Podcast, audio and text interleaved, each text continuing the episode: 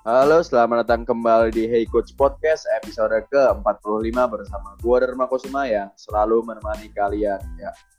Pada hari ini tentunya gue kedatangan tamu yang cukup spesial nih teman kuliah dan dia yang mendm saya loh. Tiba-tiba yang mendm gue tuh tidak ajak gue ya karena dia adalah fans Barcelona. Tentunya nanti episode kali ini judulnya juga akan membahas membahas tentang Barcelona nih di sini ada Bapak Andreas Jose, fans Barcelona yang suka melakukan perjamuan nih, Bapak.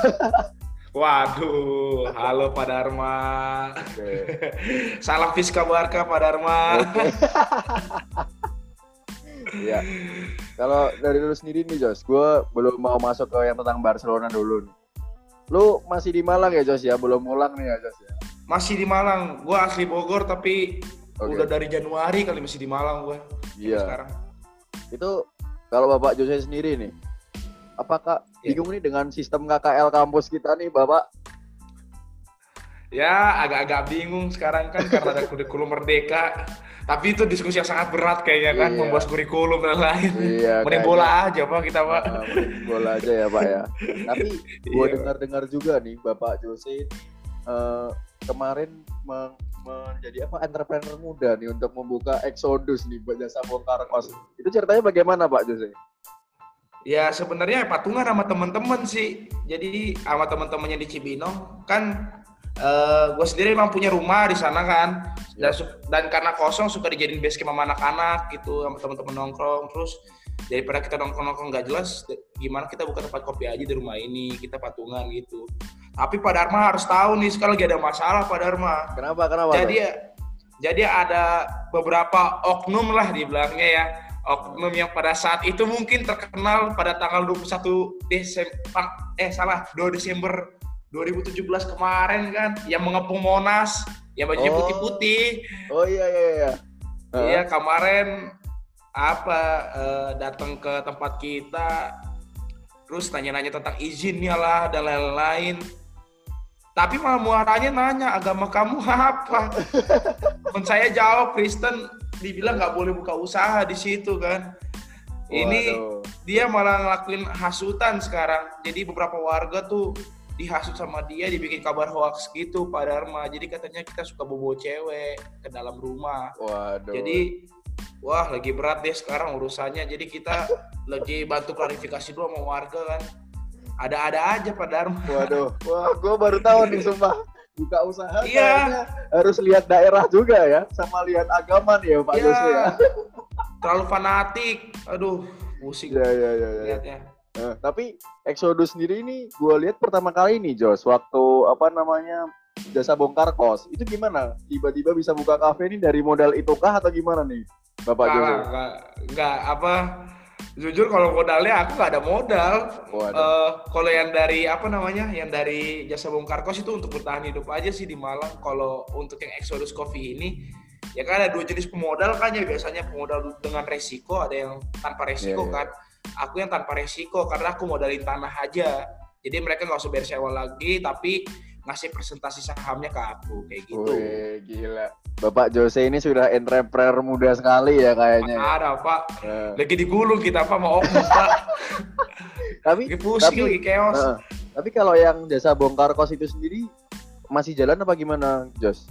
Lagi vakum juga sih Pak karena tadinya kan bertiga ada aku, uh. ada Aldi Bay sama yeah. dari FHUB juga ada uh. Alex satu lagi yeah, tapi Alex Aldi Bay sekarang udah sibuk magang kan di uh. salah satu kantor hukum di Kota Malang. Uh. Alex sudah pulang ke Kota Medan, jadi kayaknya udah nggak bisa lagi kerja ini. Oh, gua... Saya juga bingung mencari kerjaan apa nih. Uh. Lalu nggak magang Jos kalau lu sendiri? Uh, belum sih, kayaknya nanti Desember baru magang. Oke, ya ya itu ter yang terjadi sekarang-sekarang lah ini untuk Abang Jose. Tapi kita kayaknya masuk dulu nih ngomongin soal yang sekarang-sekarang tentunya ada yang lalu di Bang Jos. Yaitu Barcelona nih. Kan kita bakal ngomongin Barcelona nih. Kalau dari lu sendiri nih, Abang Jose ini kan fans Barcelona nih. Kalau lu sendiri masih ingat nggak match pertama lu menonton Barcelona itu apa dan apa yang membuat lu jatuh cinta nih sama Decul nih yang bisa disebut Decul? uh, Kalau match pertama ya 2004. 2004 Wah. itu pramusim. Pramusim di Cina. Eh, kemarin sempat ke-up lagi video-videonya tuh di akun YouTube-nya FC Barcelona. Sejarahnya Oh, dia iya. pernah pramusim ke Cina. Nah, itu ada salah satunya tuh yang itu dulu buat aku kepatil nonton Barcelona. Itu 2004 lawan apa ya Guangzhou atau apa ya? Ya klub Lupa. Cina jadi klub lokal ya. Jadi yang buat aku kepatil pertama itu bajunya. Pertama-tama, uh, Oh baju. karena di, di 2004 itu kalau kita sadar dulu ya, walaupun aku masih kecil ya, masih TK itu, tapi Ah. setiap di TV 7 dulu aku masih inget banget. Itu liga masih liga Serie A semua dulu. Ya, AS ya, Roma. Cagliari yang main dulu yang pegang-pegang gitu-gitu. Nah, Tapi ada satu dia nayangin tentang pramusim, pramusim Barcelona. Nah, di pramusim itu bajunya bagus dan ada satu orang pemainnya gondrong, rambutnya keriting.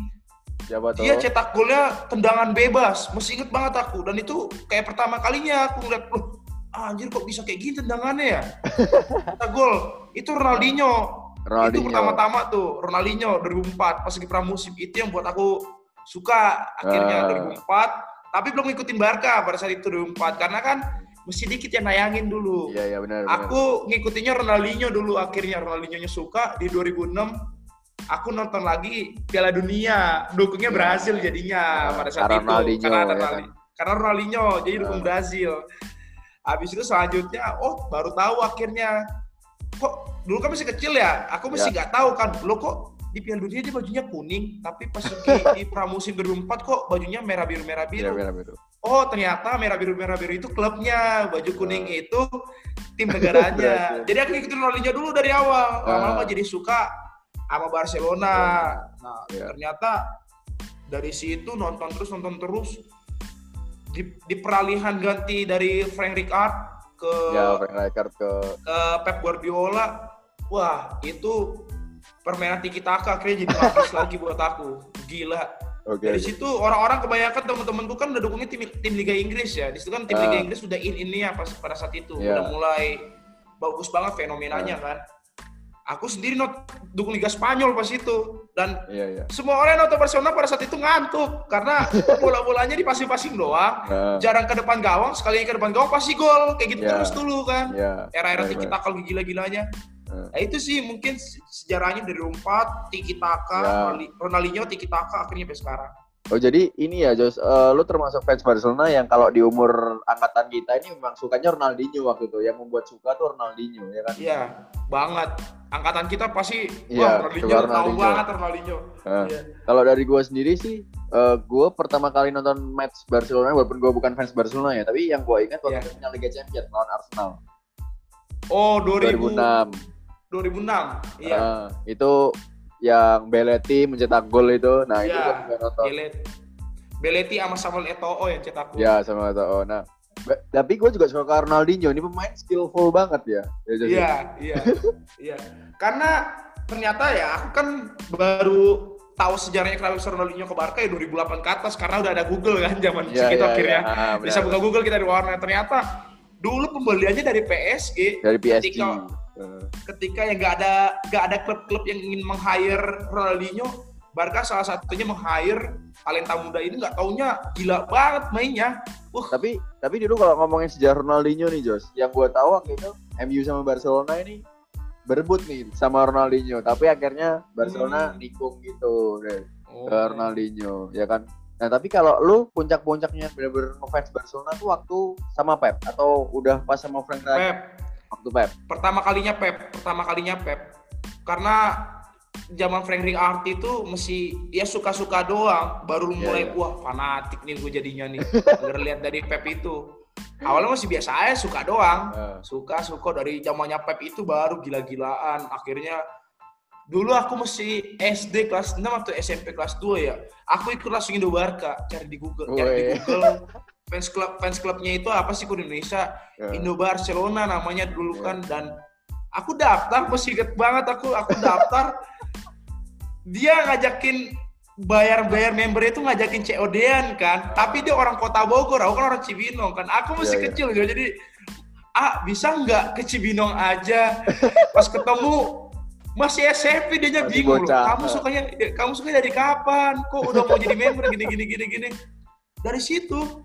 Dan akhirnya itu musim Indo Barca kan? Nggak tahu uh. 2000 berapa aku lupa. Maaf nih oh, pengurus Indo Barca misalkan aku iya, lupa ya, ya. tiba-tiba dia jadi P-nya. P-nya itu artinya udah resmi. Udah oh. resmi jadi fans klub Barcelona dari Katalan ada pengakuannya. Nah iya, iya, iya. jadi udah dua tahap lah dari sebelum jadi P-nya nyampe udah jadi P-nya. Jadi di umurku segini kok udah kayak sepuh juga aku ya. Tapi kalau kalau itu jadi lu bisa ini dong Jos apa kalau misalkan pengen milih presiden bisa terbang ke Barcelona dong. Oh nggak tahu deh. Kalau privilege jadi sosiosnya itu uh. Uh, apa namanya uh, kita bisa atau enggak tapi kayaknya mah enggak mungkin ketuanya mungkin ya bisa ya yeah, aku kurang yeah. tahu deh kalau untuk masalah internal klubnya uh. yang jelas kalau P-nya udah resmi sih terdaftar di Barcelona kalau yeah, kita yeah, yeah. membernya di sini wow. jadi buat teman-teman yang nggak tahu beda di Spanyol sama di Liga Inggris Liga apa Prancis nggak ada pemilik klub pemilik klub itu sosios namanya iya sosio benar bukan Kalo... kayak Chelsea Robert Abramovich hmm. bukan nggak kayak gitu kalau Liga gitu. Spanyol memang sosio dan Liga Jerman pun juga hampir mirip tapi kalau Liga Jerman kan 50 50 nah oh iya iya iya, iya. nah kalau dari lu sendiri nih Jos kan katanya lu tadi cerita lu apa ngefansnya waktu saat Pep Nah, iya. ketika teman-teman lu bilang waktu Barcelona nih nonton Barcelona ngantuk banget, apalagi saat itu teman-teman lu pasti fans Liga Inggris semua dan lu belok sendiri fans Liga Spanyol. Yeah. Waktu itu gimana tuh melihat padahal dari gua sendiri Barcelona era Pep itu sangat mengerikan waktu itu dan dengan passing-passing yeah. tapi mungkin teman-teman lu baru bilang aduh ngantuk itu dan kalau di Liga Inggris itu kan lebih seneng yang permainan otot-otot cetak gol kayak gitu yeah. kan. Nah, kalau dari lu sendiri gimana pengalamannya waktu itu? Kok pas itu ya pastinya bully-bulian lah ya. Anak-anak SMP lah kan yeah, kalau yeah, sendiri yeah. kan bully-bulian pasti.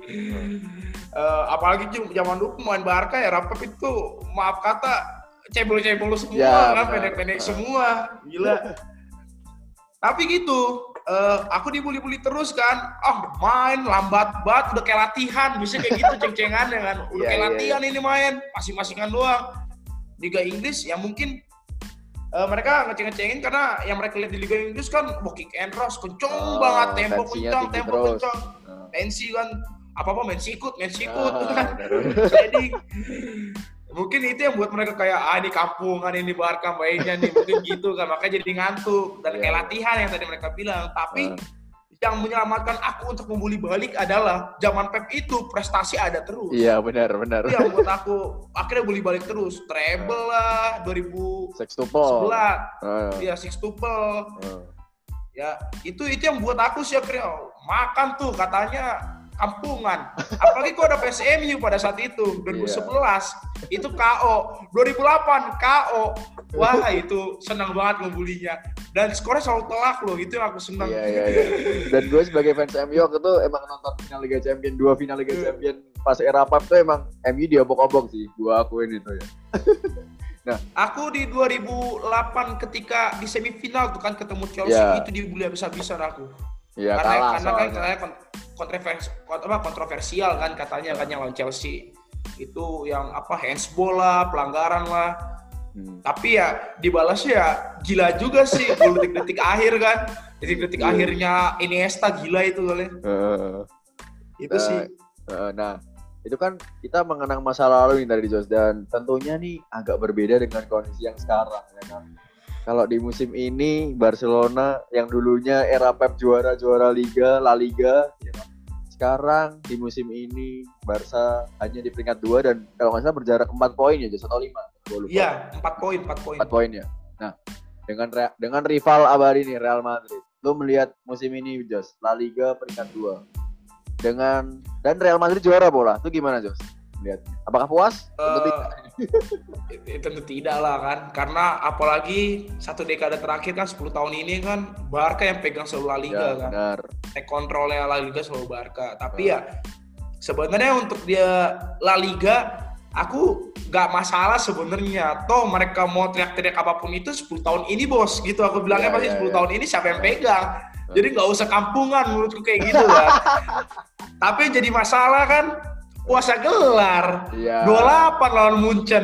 Itu kan yang buat ah gila betul. Ya, tapi kita bahas La Liga dulu nih, Jos. Da dari lu sendiri melihat permainan Barcelona sepanjang La Liga, apakah lu ada yang kurang atau tidak atau bagaimana, Jos? Kurang banget sih menurut gua. Kurang, kurang banget. banget. Jadi ya mungkin beberapa uh, pundit ya sebutannya pundit-pundit bola ya. Pandit, ya, benar. Ya.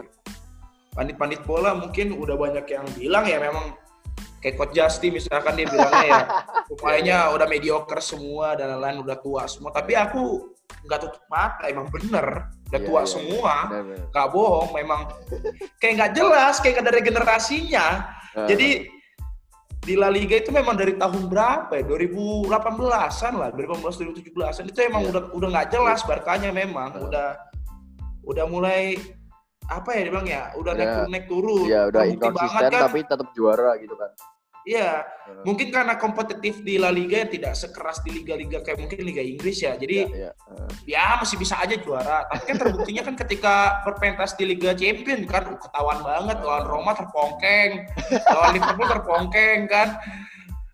Gila di comeback mulu ya bosan nontonnya. ya mungkin itu yang membuktikan kenapa akhirnya oh iya nih Barca lagi naik turun yeah, naik turunnya nggak nggak stabil. Itu pas di Champion sih pembuktiannya karena kalau kita ngomongin La Liga memang kurang kompetitif ya memang, tapi okay. kalau aku lihat dari segi permainannya kurang sih menurutku memang tiki takanya nggak tahu ya apa memang karena sepak bola modern itu udah nggak bisa tiki taka nggak ngerti juga aku. Tapi hmm. yang ku tahu kan tiki taka itu udah filosofinya. Yeah, nggak yeah, bakal bisa dihilangin. Iya dan itu sih. tiki taka ini sempat hilang ya waktu sama Ernesto Valverde ini Dan kalau ngomongin soal Ernesto Valverde ini dipecat nih Jos. Waktu pertengahan musim kalau nggak salah Desember atau Januari gitu. Nah, yeah. dari lu sendiri nih Jos. Ernesto Valverde dipecat padahal dia meraih dua trofi La Liga. Apakah lu apakah lu bahagia dengan itu atau sebenarnya ingin memberikan kesempatan sama Valverde? Wow, bahagia pas itu sih. Udah udah nggak suka Valverde sih pas itu. Jadi yeah. Iya. uh, kalau dibilang kita pada menghilang itu di era Valverde, kalau menurutku udah dari eranya Tata Martino sebenarnya. Ya, sama era Tata ya. Martino. Uh. Ya, jadi uh, Tata Martino itu itu udah paling KO juga sih itu. Itu itu juga najis nontonnya kalau udah main itu. Gak ngerti pakai gaya apa lah permainannya. Jadi dulu tuh aku sering baca analisisnya ya. Katanya dulu Barca itu haram pakai double pivot. Iya, sekarang. Katanya, aku nggak uh, tahu ya kebenarannya. Double pivot iya. itu haram. Nah, di era Tata Martino itu sering pakai ya. Jadi uh, Sergei Busquets ditambah Alexander Song dulu kan. Iya, Alexander, Alexander Song. Uh, Main bareng itu udah gak jelas. Alexander Song itu kan udah kayak Arturo Vidal zaman sekarang. Iya benar benar. Udah gak jelas era, dulu. Di era Tito Villanova itu jarang main kan Alexander Song dulu. Jarang main. Uh. Yang bajunya masih kayak Nutrisari, uh. eranya Tito Villanova kan. Uh. Yang ini lehernya udah kuning, kata yeah, RWS yeah. depannya itu udah baru eranya Tata Martino. Nah, uh. itu juga udah gak jelas itu sebenarnya udah mulai kelihatan gaya-gayanya sampai sekarang itu dari situ mulainya. Uh. Kok tiba-tiba ada Sergei Busquets sama Alexander Song kan? Ya, yeah. sudah mulai akhirnya di diperbarui lah sama Luis Enrique pada saat itu. Yeah. Iya. Uh, banyak yang bingung juga apakah sebenarnya kita udah balik atau belum sih sebenarnya mm-hmm. Luis Enrique. Enrique. Tapi menurutku ya ya minimal ada identitas Tiki Taka lah di eranya Enrique yang kulihat ya masih ada identitasnya dibandingkan Tata Martino sebelumnya dan pemulihan lini tengahnya udah lumayan bagus pada saat itu. Karena Rakitic lagi in innya walaupun udah tua ya di situ. Tapi dia lagi in innya di situ Rakitic iya iya iya. Benar benar. Nah. Baru di eranya Valverde ini nggak tahu kenapa jadi pemain jadi mediocre semua dibuat sama dia. Mungkin yeah, bener yeah. kata pandit-pandit itu. Mungkin karena minim strategi gitu-gitu uh. doang main ya pemain yeah, yang yeah. bagus jadi nggak bagus kelihatannya. Korbannya siapa? Coutinho korbannya satu. Iya yeah, iya. yeah, yeah. Oh tapi Coutinho. tapi lo sendiri Coutinho melihat Coutinho ini pemain yang bagus bagi Barcelona. Bagus buat gue. Bagus. Oke. Okay. Uh, kalau kalau gue nggak sepakat sih Coutinho tuh terlalu inkonsisten oh. sama dia talentnya bagus. Layaknya pemain Brazil lah. Dia talentnya bagus cuma ketika tactical itu gue lihat dari dari sejak di Liverpool dia itu kurang jos karena kita lihat uh, Klopp ini mainnya pressing kan. Coutinho itu satu-satunya yeah. pemain yang nggak mau pressing sendiri waktu di Liverpool. Oh. Dan makanya, nah tapi kalau era Valverde nih, bukankah Valverde itu membenahi pertahanan Barcelona, Jos? Apa lu tidak melihat itu? Enggak. Enggak. Kalau misalkan disebutnya membenahi pertahanan, kenapa di comeback terus sebenarnya? iya juga ya. Mana ceritanya?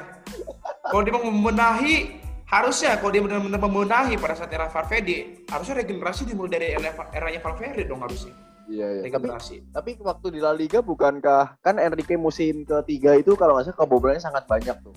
Nah terus Iya. di, di musim pertama Valverde itu kalau nggak salah kebobolannya cuma 20-an kalau nggak salah. Kalau nggak salah seingat gue ya. Karena tipe permainannya Valverde itu suka bertahan orangnya. Ya itu. Tapi itu bagi lu bukan Bertahan membenahi. Gua nggak mau benahi menurutku, hanya ganti strateginya aja. Iya, iya. Luis Enrique nggak bertahan mainnya, Eh, gitu. Itu yang gue bilang filosofinya mungkin kan ya, karena kan Barca dari era Rick, Frank Rijkaard aja nggak ada kata-katanya main ya, bertahan, nggak ada. Hoax yang bilang bertahan dari eranya Frank Rijkaard itu. Tapi di era Valverde enggak sih dari, dari Tata Martino udah ada tuh wangi-wanginya tuh udah main bertahan-bertahan kan Hmm. mundur semua jangan Iya, mainnya iya. main zona. Hmm. Tapi di eranya Valverde itu udah makin kerasa. Gol-golnya mayoritas itu bukan build up serangan tapi serangan balik. Itu kan udah Iya. ketahuan artinya. Benar. Kalau-. Misalkan dalam satu musim 100 gol misalkan aja ya 100 gol. Hmm. Ya kalau 20 golnya serangan balik, 35 golnya serangan balik, oke mesti Iya. nggak apa-apa. Ketika mayoritasnya gol dari serangan balik bukan dari build up, itu berarti udah ketahuan kan bukan bukan menyerang mainnya, bertahan. Iya, iya. Ya Itu. ini di podcast kali ini gue agak ngakak kayak ini untuk pertama kalinya ada fans club yang menumpahkan semua kekesalannya nih. Nah. pusing. Iya iya. Nah kalau di La Liga sendiri itu kalau nggak salah nih gue menonton juga waktu lawan Celta Vigo yang paling marah sih menurut gue yang dua-dua aja waktu itu. Lo inget kah Eh, Setelah- yang setelah Corona kalau nggak salah yang dua-dua. Udah oh sama iya, Setien, iya, udah sama Setien Iya, dan iya, Om iya. Titi waktu itu nggak jelas banget tuh bertahannya. Nah bagi lu sendiri gue Iya. udah melihat tuh titik yang di mana wah Barcelona nih kayaknya nggak bakal juara nih, bener kan waktu itu. Yang di mana Iya. kenapa di La Liga ini Barcelona sangat-sangat rawan dengan serangan balik nih Jos kalau dari lu. Yang pasti pertamanya kita nggak bisa bohong dari dari era ke era ya, bukan masalah pelatihnya bagus atau enggak. Nah. Ini menjadi titik lubangnya selalu Barcelona adalah back tengahnya, central backnya. Itu udah dari tahun ke tahun lah. Itu pasti itu titik lemahnya. Kalau nggak bola atas, tidak Ya. bisa man to man permainannya. Karena apa? Pemain Barca backnya tidak ada yang bisa lari kencang back tengahnya. Itu udah dari tahun ke tahun dan banyak yang mengakui. Memang seperti itu gaya permainan Barca. Walaupun mereka gaya bertahan itu tetap front line pressure Iya, dengan garis yang tinggi. iya high defense. Tapi kita nggak bisa bohong, ya Hmm. kelabakan, kelabakan juga karena mereka nggak ada yang punya akselerasi kencang, gitu. Nah, menurutku ya kayak sudah template sih bagi tim-tim Liga Spanyol ya. Wah Barcelona, ya udah bertahan. Kalau nggak Iya. bertahan main keras, pressing tapi mainnya main keras. Ah. Jangan pressing cuma asal-asal pressing, mainnya harus keras. Biar apa? Biar aliran bolanya nggak nggak gerak. Bisa kan kayak gitu caranya. Iya iya benar. Makanya musuh Barca itu kok nggak selain apa namanya nggak selain Madrid, Atletico Madrid dengan Bilbao yang Ah. dulunya tuh tipe permainannya ya. Kalau Iya, nggak dapat iya. bolanya hantam orang ya. itu itu kan Iya, iya. kalau Atletico Madrid mungkin karena pelatihnya Iya, Diego Simeone iya. kan. Kalau kalau Bilbao kan memang gaya permainannya orang Dari Basque kan. Iya Kalau- dari dulu dari dulu. Barca kan Katalan kalau Atletico Bilbao itu tuh basket Basket. teman-temannya nggak tahu nih Nah, yang eh, nanti oke, iya, dengar iya. nih. Basket, gaya permainan tipe-tipe orang basket itu fisik, Hmm. jadi keras mainnya. Ya nggak ada kata bertahan juga permainannya. Jadi harus mainnya mainnya keras. Nah itu selalu jadi titik lemahnya Barca. Barca nggak pernah bisa ngebantai tim lawan tim kayak Bilbao, Ah, Atletico Madrid. Tapi beda lawan Madrid. Lawan Madrid tetap bisa ngebantai. iya iya. Karena ya itu salah satunya Eh, nggak bisa melawan orang yang bertahan. Atletico Madrid kan bertahan Iya kadang-kadang tuh bertahan. kan. Ah, iya. Mulainya bertahan. Gak bisa main bertahan, sama gak bisa yang lawannya keras, Barca itu. Oke. Nah, itu udah ke template bagi tim Liga Spanyol sebenarnya. Jadi udah tahu semua itu. Emang selalu Iya. kayak gitu lubangnya. Makanya Ah. itu ya aku menaruh harapan sih nanti ini Ronald Koeman. Ini bisa nggak titik lubang ini akhirnya di ditambel dari dulu Iya, iya. itu. Ah. Jadi udah bukan hal yang baru menurutku kok masalah back. Oke. Nah, kalau ini apa? Apakah ini juga karena Pique pertama Pique yang sudah menurun, terus habis itu Om Titi yang udah nggak jelas lagi, dan Lengle yang bagi gua back tengah yang sebenarnya biasa aja. Apakah karena itu, Jos? ya kalau masalah Pique ya udah pasti lah udah umur kan ya. Menurun. Ya selalu jarang Barca itu mainin pasangan back tengah yang dua-duanya tuh masih muda banget Ah. kecuali pramusim, gue bilang Iya, kecuali iya, pramusim iya. ya. Ah, Dari Pique era Pique Puyol, habis itu Ah. Pique Mascherano, Kera. Mascherano oh, out Pique Umtiti, sekarang jadinya Pique dengan Lenglet. Kadang-kadang dulu kalau dirotasi Pique Bartra, ya. Ah, kalau kayak gitu sih memang. Nggak tahu kenapa motivasinya nggak pernah mau mainin dua pemain muda ya. Apa harus ada segi pengalaman atau gimana? Iya. tapi Pique sudah pasti jadi titik lubangnya. Habis itu Um Titi sebenarnya di eranya sebelum dia cedera ya cedera panjang itu hmm. ya mainnya masih oke sih menurutku. Iya karena bagi di, gua di, eh, bener bener. Di World Cup aja dia masih dipakai banget karena sama timnas Prancis pada saat itu sebelum dia cedera panjang banget itu iya iya. cedera panjang udah nggak bisa lari nggak bisa bola atas nggak bisa marking Buh, lengkap itu pas itu Nah, bagi gue sebenarnya Om Titi ini waktu awal-awal musim bersama Barcelona bagi gue sangat bagus loh dia. Dan bagi, bagus jadi the next nih bagi apa back tengahnya Barcelona. Eh, cedera langsung jatuh. Hmm. Nah, kalau ngomongin soal jatuh juga nih, Barcelona juga sempat disinggung juga jatuh melawan Bayern Munich dengan skor 8-2 dan tersingkir di perempat final Champions League. Melihat petualangan Barcelona di Champions League, apakah lu apa yang ingin lo katakan Jos sebenarnya kalau ini? gue nyampe di Instagram gue ya pas habis kekalahan itu gue langsung bikin snapgram hashtag no comment jadi gue bakal tahu nih pasti orang pasti ngebully gue pasti DM gue bahkan 70 menit sebelum pertandingan itu selesai sudah 5-1 pas pada Iya. saat itu 5-1 6-1 udah banyak ngechat. Jos masih hidup kan? Udah oh, udah banyak banget. Udah ada kali. Total aku bangun tidur akhirnya habis dari match itu udah ada 35an lebih masuk pesan dan isinya hanya ngebully doang. Itu gila sih. Itu pertama itu udah pasti jadi fans wah ngaco. Maksudku Iya, aku mau ngasih insight kita jadi fans segitunya nyampe kita dibully gitu Iya, iya. tapi aku kadang-kadang ngambil sisi lain berarti artinya apa Barcelona ini tim besar benar, benar. sampai segininya gitu maksudku 82 itu menjadi momok besar gitu seluruh masyarakat dunia Dan Karena juga. apa? Heeh. karena lawannya bukan seperti ketika Arsenal kalah 8-2 lawan MU seperti Tot- Tottenham kalah lawan 7-1 ya lawan kita iya. 7-1 ya 72, 72 lawan Munchen. 7-2 ya Nah, ini Barcelona yang kena. Jadi walaupun kelihatannya dibully doang tapi sepertinya di sisi lain ad- ada pengakuan bagi orang-orang. Barcelona ini tim besar kok bisa? Gitu. Loh iya, iya tim benar. besar gila nih tim. Kok bisa diginiin? Dan kayak ibaratnya dari zaman dulu nggak ada yang bisa ngebully segitunya sama Barca. Nyampe puas-puasin ngebully kecuali kalau nggak di comeback kalau nggak kalah lawan di Madrid. Cuma dua Iya. itu doang biasanya dibulinya Iya. Kali ini bisa habis-habisan dibully. Ya menurutku pertama itu memang udah ada pengakuan lah bahwa tim tim Barca itu besar. Kedua itu menjadi evaluasi lah besar-besaran sebenarnya bagi manajemen Barca terutama untuk Bartomeu nih. Bartomeu kalau ente ngerti bahasa Indonesia. Ente anjing Bartomeu. Ada cepet-cepet resign. Saya bilang Iya. ada cepet-cepet resign Bartomeu. Ah. Kalau dari lu sendiri nih Jos, sebenarnya sebenarnya melihat perjalanan Barcelona di Liga Champions, lu apakah sebenarnya sudah melihat nih Barcelona nih bakal stop ketika melawan Bayern Munich atau lu sebenarnya pede aja Barcelona bisa nih kembali untuk juara Champions atau tidak kah?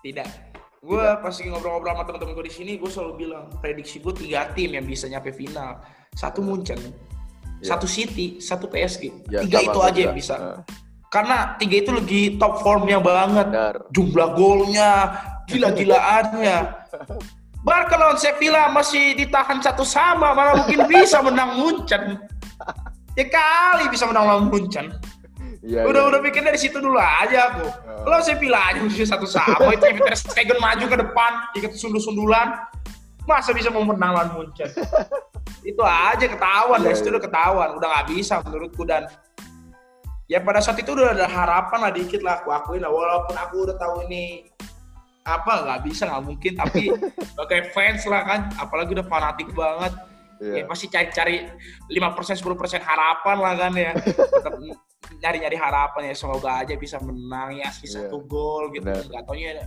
dihancurin 28 wah gila sih itu itu pengalaman paling malu setelah di comeback terus Iya, iya. Tambah dihancurkan ya yang ini ya. Hmm. Eh, kalau gue melihat nih waktu lawan Bayern Munich nih, gue udah prediksi juga kalau Bayern yang bakal menang. Tapi yang gak gue nyangka ada 8-2 nya skornya. Ke- eh, terbobol 8 gol.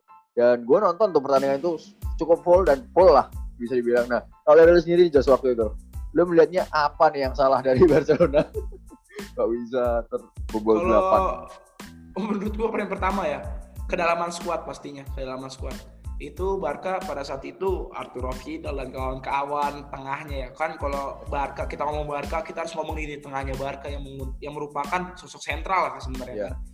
Bahkan Messi bisa mencetak gol sebanyak itu dengan Ballon d'Or dan lain-lain itu kan sumbangsi dari tengahnya saat itu ada Iniesta, Xavi, Benar. sama Sergio Busquets kan.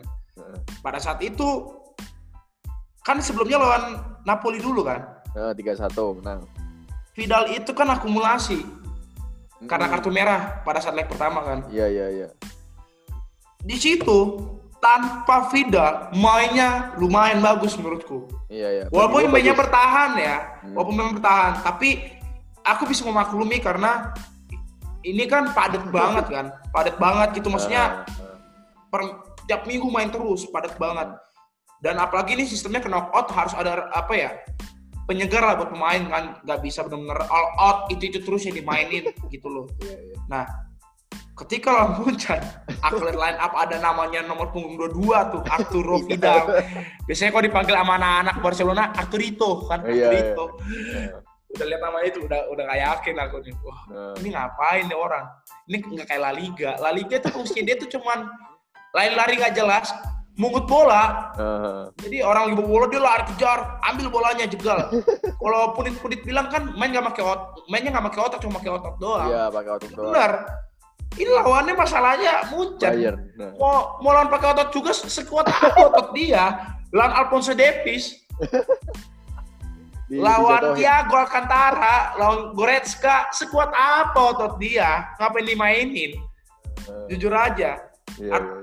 Ya kalau Frankie De Jong kita apa kita harapin di dia sendirian mah Mm-mm. ya mana bisa dia pengalamannya baru berapa tahun main di Liga Iya, Champions dong. walaupun mainnya bagus udah ketawa sebenarnya kedalaman squad pada saat Hmm. yang kedua ya pasti mental Iya. ketika sudah eh, empat dua ya sempat empat dua Hmm. itu udah sempat naik naik naik kebobolan lagi itu awal mulanya hancur kebobolan lagi kan udah iya. selesai dari situ itu sih pasti mental juga ini juga ya yang gue kasihan tuh di lini tengah waktu pertandingan itu Frankie Diang kerja sendirian. Lo melihat itu nggak? Ngeliat itu nggak, Jos?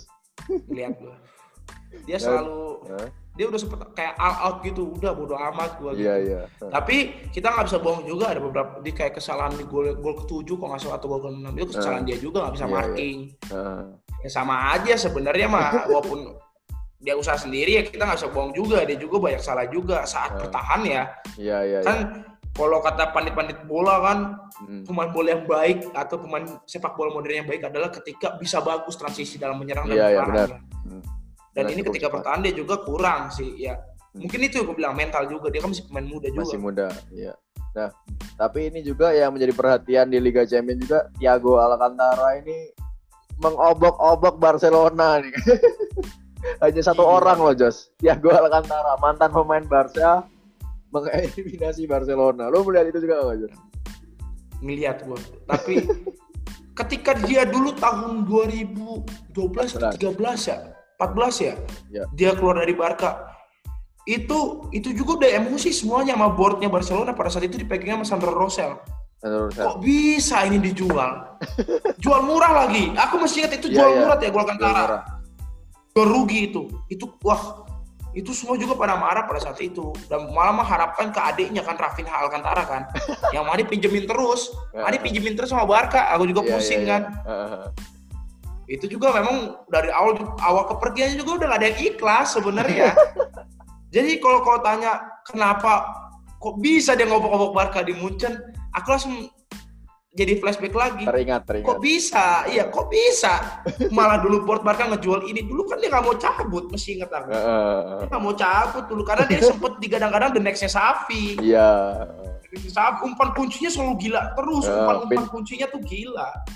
Yang gue lihat luar biasa tuh Thiago Alcantara nih ya bisa bermain mengum- melakukan umpan pinpoint pass dari area yang agak, agak dalam menjadi deep lying playmaker ini dan Itu. tapi juga menjadi maju pun juga bisa gitu loh sebagai Mesaya Ah. kalau eh, itu itu sangat sangat baik nih Thiago Alcantara.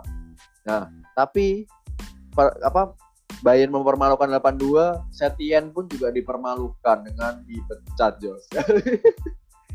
Setelah pertandingan apa, itu. apa Lu melihat gimana nih Jos? Padahal lu gua lihat waktu itu di Instastory sempat wah kembali Barcelona dengan Tiki Taka dan sekarang dipecat. Gimana nih John? Ya, kalau misalkan kita kayak kembali lagi atau enggak, pada saat itu kita nggak bisa bohong ya. Aku bukan pandit masalah jadi aku nggak bisa menganalisis secara dalam ya. Aku hanya mengamati aja sebagai fans. Ya. Ketika pertama kali itu lawan apa lupa aku. Levante 0-1 atau menang. apa gitu? Satu kosong kalau nggak salah. Satu kosong menang. Hmm. Golnya Messi kalau nggak salah itu satu kosong. Satu kosong itu gol. Itu umpannya sampai seribu. Itu Iya. kayak tiga tahun terakhir itu udah kayak dahaga yang akhirnya kayak ibaratnya mau buka- udah buka puasa aku cuy itu. Eh, Gila akhirnya. Aku nonton itu karena debut jadi pelatih kan. Aku nonton. Iya. Itu bener-bener passing, passing, kaki-kaki, passing, passing. Uh. ya memang pada saat itu masalahnya adalah efektivitas dalam Ya, mencetak gol ya kan. finishing. Percuma, percuma kalau pasti diputar-putar doang kok gue bilang. Ya, Kalau nggak ada. Nggak ada kayak pasnya, nggak ada true pasnya ya percuma kan. Eh, Itu mungkin pas pada saat itu aku mikir oh kurangnya di, bo- di bocah cuma di situ doang nih kurangnya nih. Nggak taunya udah makin kelihatan. Aku udah mulai wah ragu sih aku nih cuma bisa passing-passing doang nih kayaknya. Pas lawan Ibiza di Copa del Rey. Oh, nonton Ibiza, anjir Ibiza. Ibiza masalahnya. Ya itu Liga Anta Beranta dia dia nggak tahu divisi apa itu. Pokoknya bukan di Liga Segunda itu dia. eh, Dia nggak tahu divisi mana itu. Ibiza, nyampe supporternya pakai topi-topi koboi, gak ngerti lagi tuh deh, supporter mana itu. Stadionnya ke stadion latihan. itu bisa-bisanya mereka dipersulit. Buset. Minimal emang pakai pelapis kedua. Tapi ada Luis Suarez, ada Luis Suarez, ada Frankie De Jong. Kok Iya, bisa dipersulit? Sama tim namanya Ibiza, tempat orang liburan doang kalau ke Spanyol, bukan bukan tim sepak bola itu. Iya benar. Benar. bisa? Kok bisa maksudku? Susah cetak gol gitu loh. Dari situ aku mulai itu yang main Griezmann sama Suarez tuh cuma nggak ada Messi doang. Gila Hmm. Mungkin itu bakal nggak nonton aku yakin bakal nggak Iya, nonton iya. karena Gua- gua mikir apa nonton. pasti Nah. menang pasti Iya, menang mikirnya benar, kan Benar. aku nonton dipersulit Barca gila itu ujung-ujungnya untungnya menang Iya itu iya. juga menangnya gol-gol menit akhir sempat kalah 1-0 akhirnya Iya, bisa di comeback 2-1 Iya iya. Eh, dari situ aku udah mulai kayak ada ketidakpercayaan kayak lagi nih kayak tidak ada kepercayaan ini sama Sama. Setian. kok bisa lawan tim gini dong kok kayak gitu pikir kan akhirnya pasca corona udah kelihatan semua itu Iya iya. titik-titik apa cok poinnya itu kan ketika satu sama lawan Sevilla Mm. itu paling gilanya dan aku setuju sama, sama yang paling sering meng-highlight ini ya Coach Justin aku setuju Oke. masa bisa-bisanya dia bisa ngasih statementnya kayak gitu ya Yang nanti juga ya. Madrid kehilangan poin. Maksudku ini Barca ini tim besar cuy. Menentukan nasib itu sendiri. Iya iya iya. Dia kuat karena dia dia kuat bukan musuhnya lemah. Harus kayak gitu dong. kok bisa statementnya kayak gitu? Aku setuju kalau itu. Itu kok bisa pelatih kayak gitu? Berarti mentalnya kan belum mental pelatih Iya, besar. Benar benar. Mental tim tim pelatih besar belum. Mungkin dia masih membawa gaya-gaya Real Betisnya. Ya Betis. Malah lebih frontal itu kan si Sarabianya, si Hmm, asistennya, asistennya. Sarabia. Hmm. Mau lebih frontal dia dibanding Kasetian si Abah. Oh, dari situ aku ngeliat wah. Gila. Nah, ya. Dari situ sih aku udah mulai ketidakpercayaan dan ya menurutku sama-sama baik menurutku untuk dia dipecat sebenarnya daripada dia bertahan tapi dapat tekanan lagi. Ya. Menurutku lebih cocok dipecat dia. Kalau gue melihat ya waktu itu Setien tuh sebenarnya gue ingin memberikan kesempatan sih karena secara taktikal bagi gue dia cukup bagus mengembalikan identitas Barcelona sedikit demi sedikit. Tapi yang gue sayangkan ini Setien tidak memiliki leadership sama mental yang sesuai lo Iya. katakan. Dia kehilangan locker room istilahnya, ya kan? Ah, Kehilangan apa pengaruhnya terhadap Messi dan kawan-kawan Iya. gitu. Nah itu ya Messi pun juga menjadi masalah sih bagi gue. Iya kan? Kita bahas-bahas itu. Oke, nah apa namanya kan tadi juga mengatakan juga nih, lu bilang tentang Copa del Rey lawan Ibiza. Di Copa del Rey sendiri Barcelona tersingkir lawan Athletic Bilbao, ya kan? Yap. Di perempat final juga, sama kayak di Liga Champions, di perempat final. Lu melihatnya gimana nih, Jos? Apakah mau seseorang mementingkan Copa del Rey at- atau tidak? Eh, mementingkan. Mementingkan. Aku mementingkannya karena historis. Copa del Rey itu kalau kita translate Hmm. mungkin tau lah Dharma Piala Raja Oh, namanya Ya, kan. Piala Raja. Piala Raja. Hmm. Itu kan dibuat dulu di eranya Raja Franco kok nggak salah ya. Hmm. Oh dari orang Madrid lah, Piala Raja, Piala untuk Raja. Yeah. Barca secara historis menggunakan Barcelona sebagai alat politiknya untuk merdeka. Iya, benar. Itu itu oh itu aku kurang menghargai itu kenapa aku cinta banget sama Barca dari dulu. Karena meske un klub itu, slogan meske un klub itu ya, lebih dari sekedar klub. Hmm. Lebih dari sekedar klub itu bukan arti keluarga ya, ya tapi ya. sebagai alat perjuangan hmm. artinya. Hmm. Jadi itu kalau historisnya itu alat perjuangan Barcelona itu di sepak bola itu di luar dari diplomasi dan kelompok keras lah, kelompok hmm. keras yang untuk merdeka, kelompok bersenjata dan lain-lain. Nah, itu menurutku gila, ini indah banget. Artinya apa? Iya, iya. Filosofi, yeah, historis, kultur dapat semua, gila. Nah, Kenapa Piala Raja harus penting menurutku?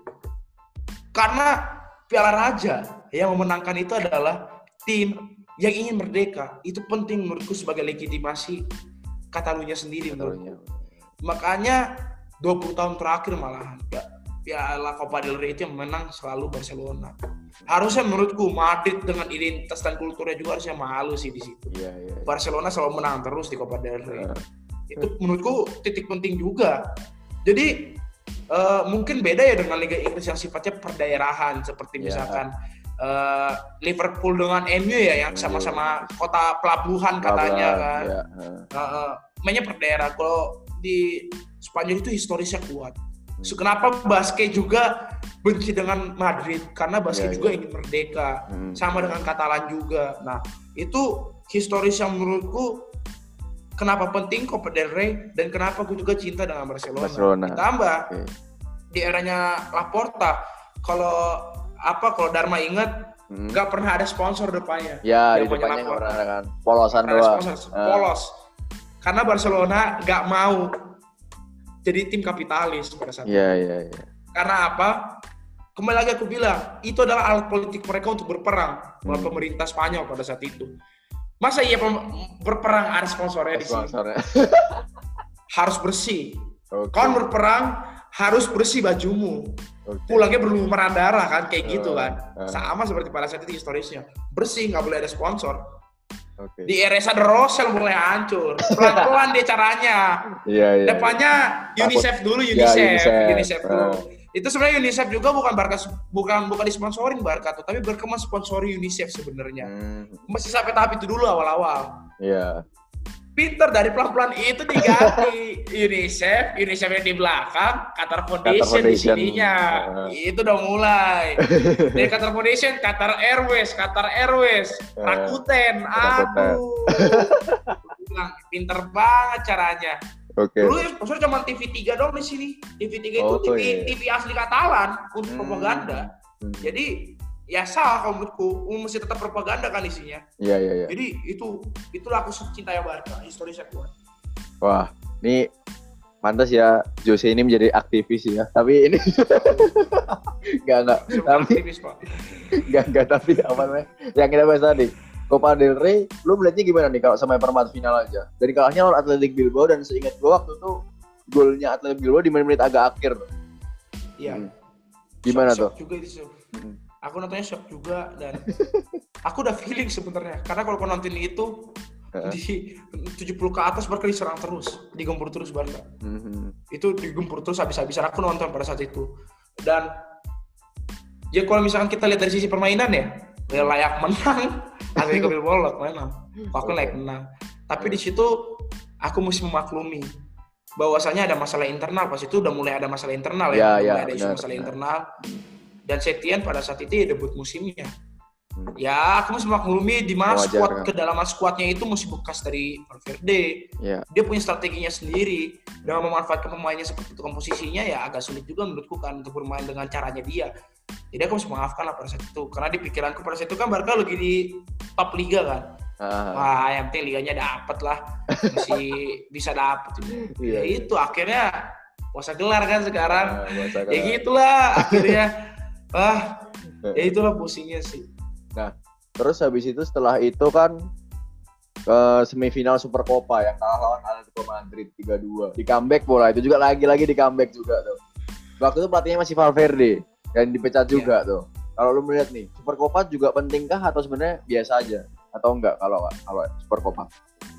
kalau Super Copa sih biasa aja sih menurutku ya, Biasa Super aja. Copa. Itu, itu kan cuma ngelawan kalau nggak salah ya Super Copa yang mana nih Super Copa Spanyol kan? Super Copa Spanyol. Super Copa.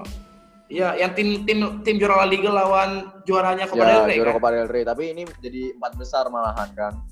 Iya, jadi empat besar. Hmm. Dan itu Ya menurutku ya, Hmm. ya namanya juga itu kan biasanya kan di awal musim kan. ya ini di tengah Sebelum musim. masuk. Iya, jadi ya menurutku ya nggak apa-apa sebenarnya kalau, kalau Super Copa itu normal normal. Biasanya panasnya itu ketika lawannya Madrid intinya itu aja kan Ya, biasanya. ya, ya, ya. Intinya lawannya ketika lawannya Madrid kan sebenarnya. Kalau lawannya saya bilang biasa aja sebenarnya. itu juga bukan gelar yang prestisius. Hmm.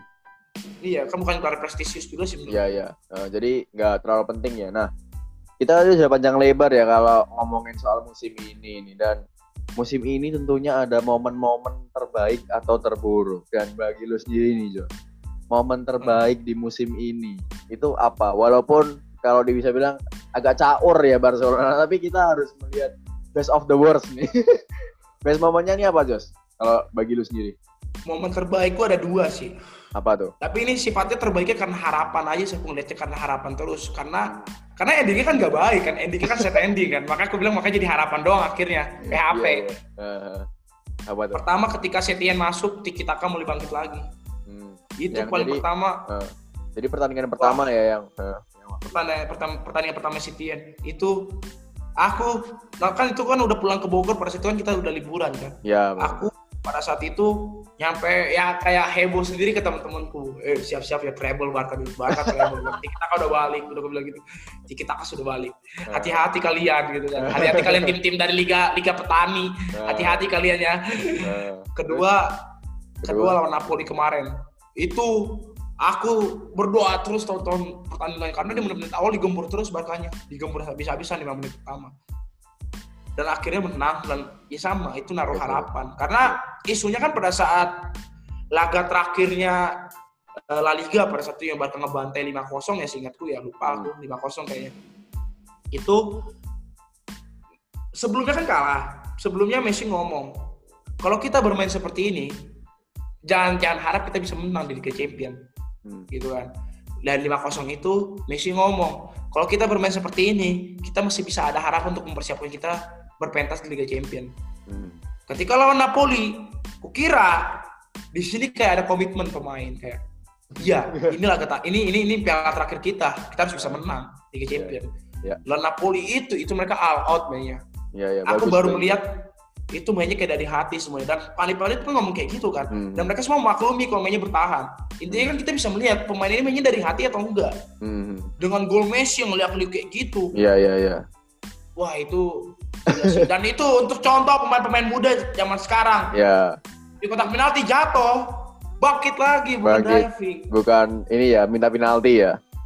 Itu iya bangkit lagi itu sih nah. dua itu Oke, dua momen itu ya. Kalau dari gue sendiri sebenarnya gue sama sekali tidak melihat Barcelona ada best momennya. Cuma kalau dari gue ya yang membuat gue senang, tapi ini subjektif ya, mungkin karena gue Ya. Frankie De Jong, yaitu Ya. itu masuknya Frankie De Jong sih kalau dari gue. oh yang di mana ini kayaknya menghidupkan lini tengah Barcelona yang udah sedikit lebih kreatif sih bagi gue. Oh dari lu gimana Jus? Apakah ya? Ya, aku setuju banget. Aku setuju banget kalau masalah Frankie De Jong ya.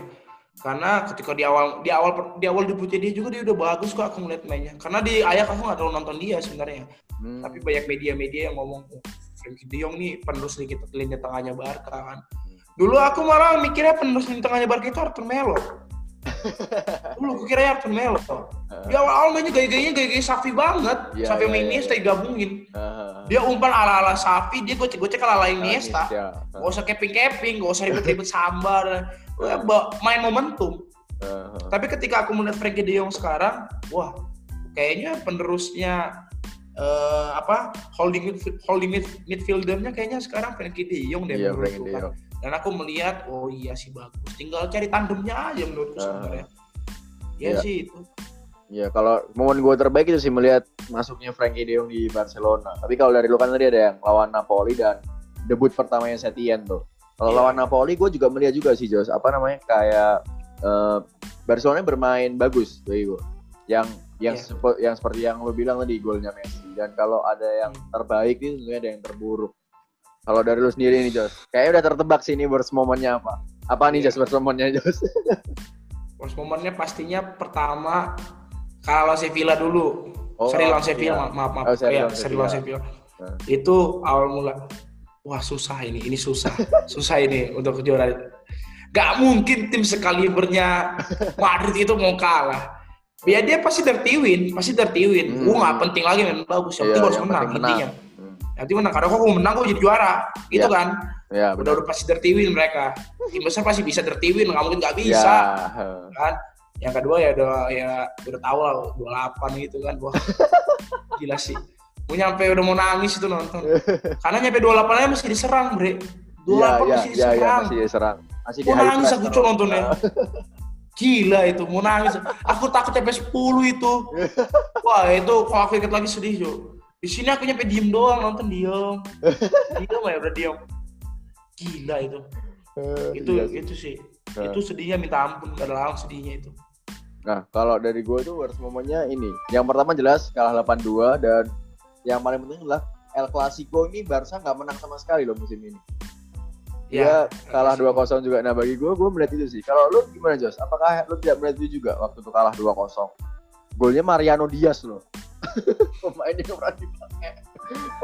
Duh, itu juga worst moment sih, tapi aku nggak terlalu worst moment banget ya pada saat itu karena ya sama kalau kita pakai gaya histori gaya sepanjang La Liga 10 tahun ini ya banyaknya Barca menang El Clasico banyak lebih banyak Barca menang jadi aku kayak ya udah Cuek kasih aja ya. mereka menang cuek aja Hmm. sebenarnya ya kalau dari sisi permainan kembali lagi aku semua El Clasico nggak mungkin nggak nonton lah pasti nonton lah. Iya, iya. kalau dari El Clasico sendiri mainnya kurang aku bilang Hmm. mainnya kurang Madrid mainnya kurang juga dua-duanya Iya, lagi nggak bagus Benar, benar lagi. itu El Clasico paling boring menurutku Hmm. musim ini El Clasico paling boring mungkin karena tidak ada lagi namanya rivalitas Messi Ronaldo ya Ya. walaupun Barca dan Madrid lebih besar daripada Messi Ronaldo tapi tapi ya kayak kurang greget aja zaman itu kayak kurang greget lagi kan jadinya Iya, iya. iya. gitu nah tapi dari sisi permainan walaupun sama-sama nggak bagus kita ngomong masalah efektivitas ya efektivitas yang Madrid pada saat itu lebih baik dari Barca. Ya aku bilang dirty win. Benar. ya Barca juga dirty loss karena mainnya juga Iya. jelek. Kecuali Barca mainnya ngasih perlawanan. Aku bisa ngasih anggapan bahwa ini Dewi Fortuna aku bilang. Kalau misalkan Barca mainnya bagus Hmm. ya Barca mainnya juga jelek. Ya gue bilang dirty, dirty loss juga. Ya udah layak kalah. Yang satu lagi nggak layak menang tapi yang satu lagi layak kalah. Gitu makanya aku nggak terlalu worst moment banget sih. Nah, kalau lu kalau ini kan kalau worst kan nih. Nah, tentunya juga ada worst player nih, Jos. Dan itu worst player harusnya dibuang nih, Jos. Nah, bagi lu sendiri nih, Jos. Siapa pemain Barca yang listnya nih? Kan udah ada di berita. Kalau lu melihat di Coach Podcast episode yang terbaru ini Ronald Koeman membuang tujuh pemain Barca, ya kan? ya iya Apakah lu setuju dengan list itu atau memiliki list-list tersendiri atau ada tambahan bahkan? Setuju karena di Ronald Koeman Messi nggak masuk nanti kita bahas itu Messi tidak masuk Oke, tapi tapi dia masih dia masih buka omongan sama Messi Nah, itu nah berita terbaru juga nih. Messi katanya meminta pindah. Apakah Messi juga harus dibuang? menurutku enggak Enggak. Oke. aku beda mungkin sama kayak banyak banyak yang biasanya kan ngikutin Ya, gaya Coach Justin kan Ah, pastinya pasti banyak yang ngikutin Justin tuh kayak buang aja buang ya kan kayak gitu kayak kan buang aja buang. Karena karena Justin juga benar nggak salah aku bilang benar benar banget Oke. dan memang benar juga mempermudah pemain puir yang lainnya untuk cabut pasti harus pindah semua Mhm.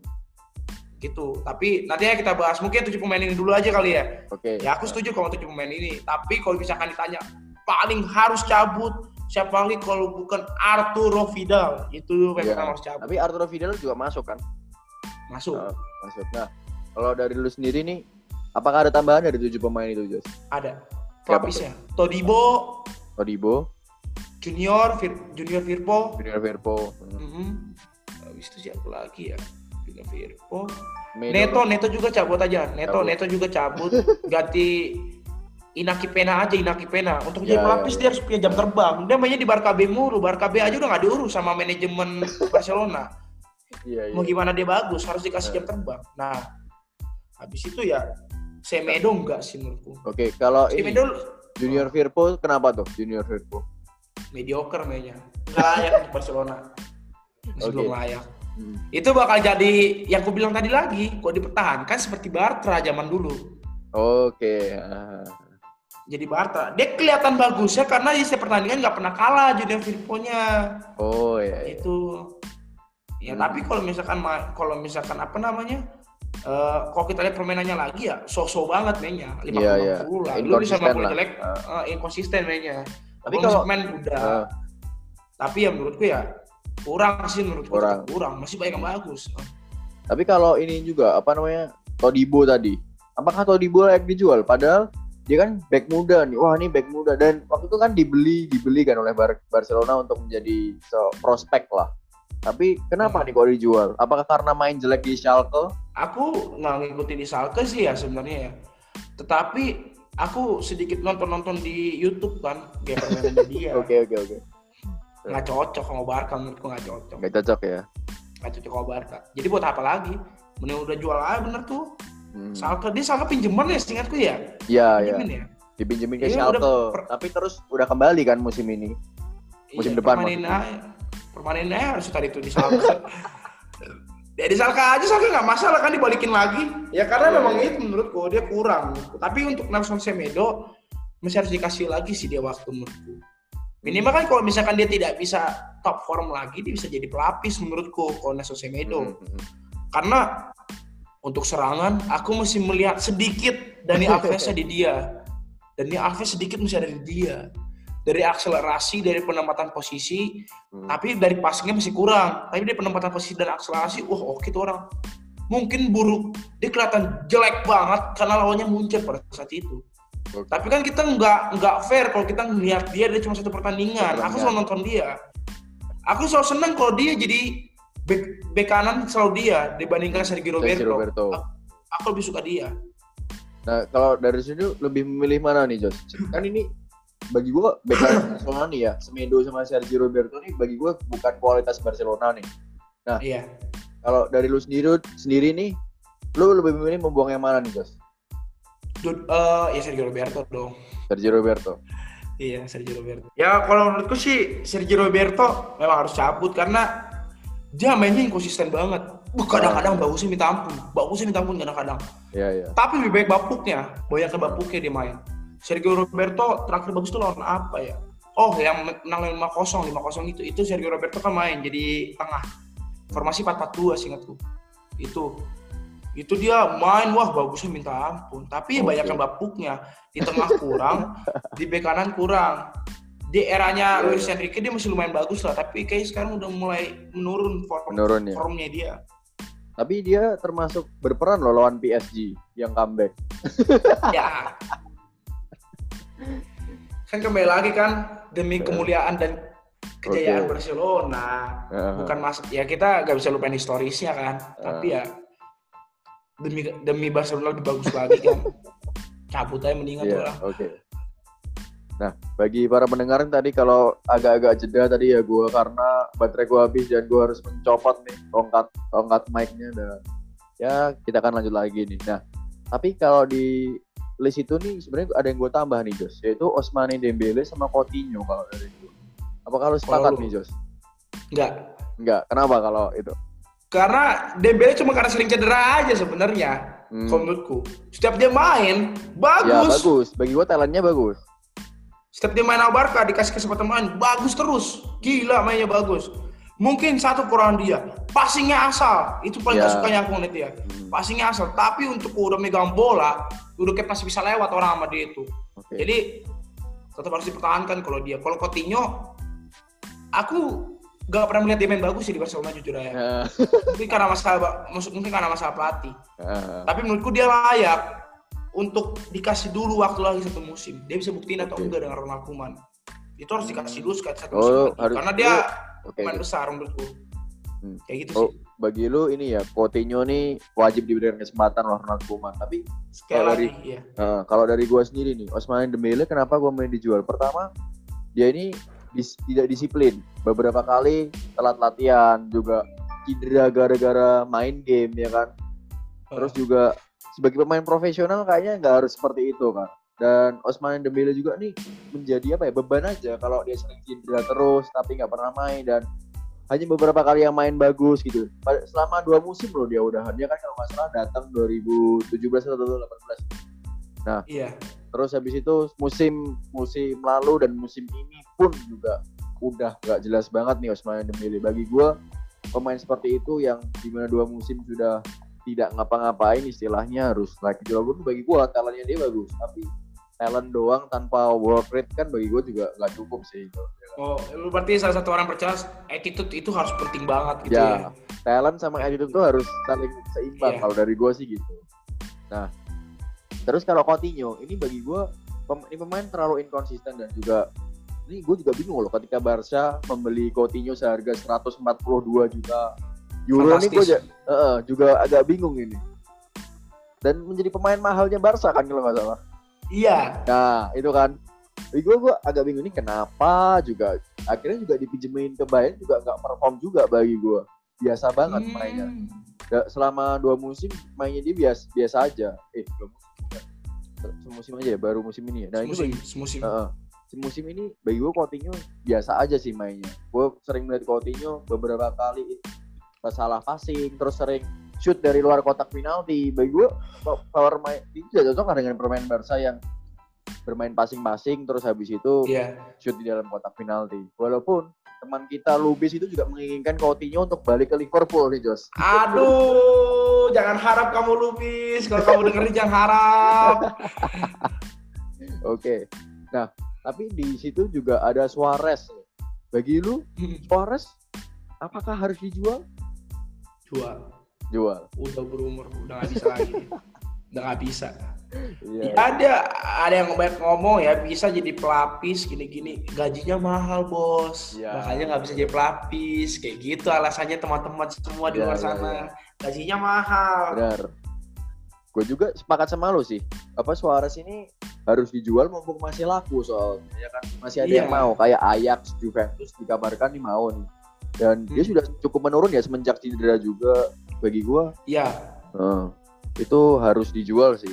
Kalau dari lu sendiri apakah juga melihat nih Jos permainan dia sudah menurun semenjak ketika cedera ya? dari segi akselerasi udah hancur Udah hancur. dia bisa kreativitas sudah hancur Hmm.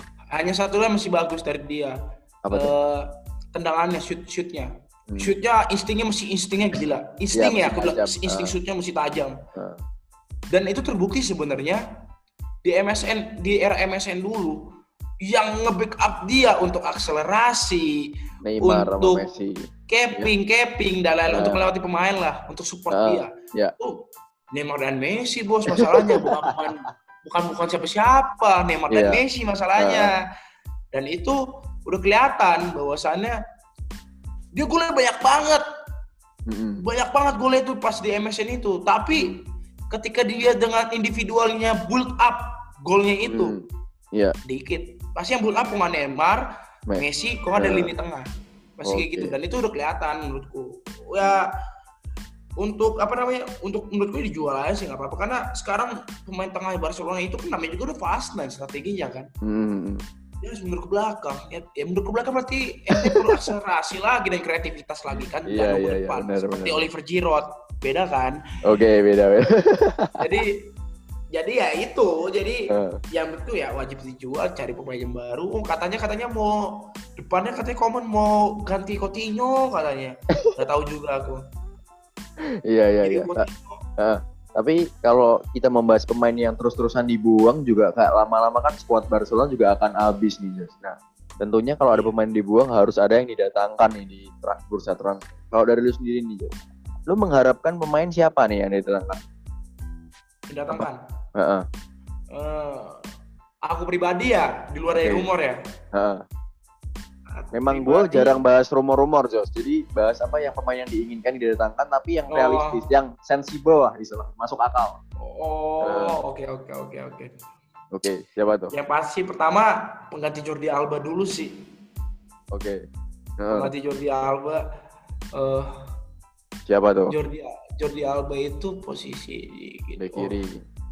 Bek kiri aku pengennya sebenarnya itu cok siapa Alfonso Davies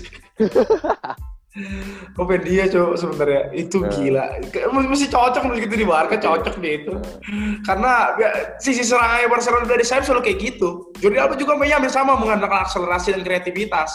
Alfonso Iya. Davies sih. Itu aku wah nggak ya nggak nggak mungkin bisa Iya, sebenarnya kayak menurutku mungkin. ya. Tapi aku suka banget sama dia sih dari gaya permainannya. Terus eh Pejanik Pejanik aku juga suka Tapi akhirnya Pjanic didatangkan udah sih udah resmi kan Pjanic. resmi aku suka Pejanik Oke kalau Eh. na na- nanggapi Pjanic tuh, bagi lu gimana nih Jos? Walaupun udah berumur 30 tahun dan banyak fans Barcelona, wah udah tua nih, nggak setuju gitu. aku setuju malahan Setuju. setuju banget karena itu diper- diperlukan orang-orang yang nggak perlu jago gocek-gocek Mm-mm. tapi eh, dia bisa bikin end pass, key pass, true pass yang bagus.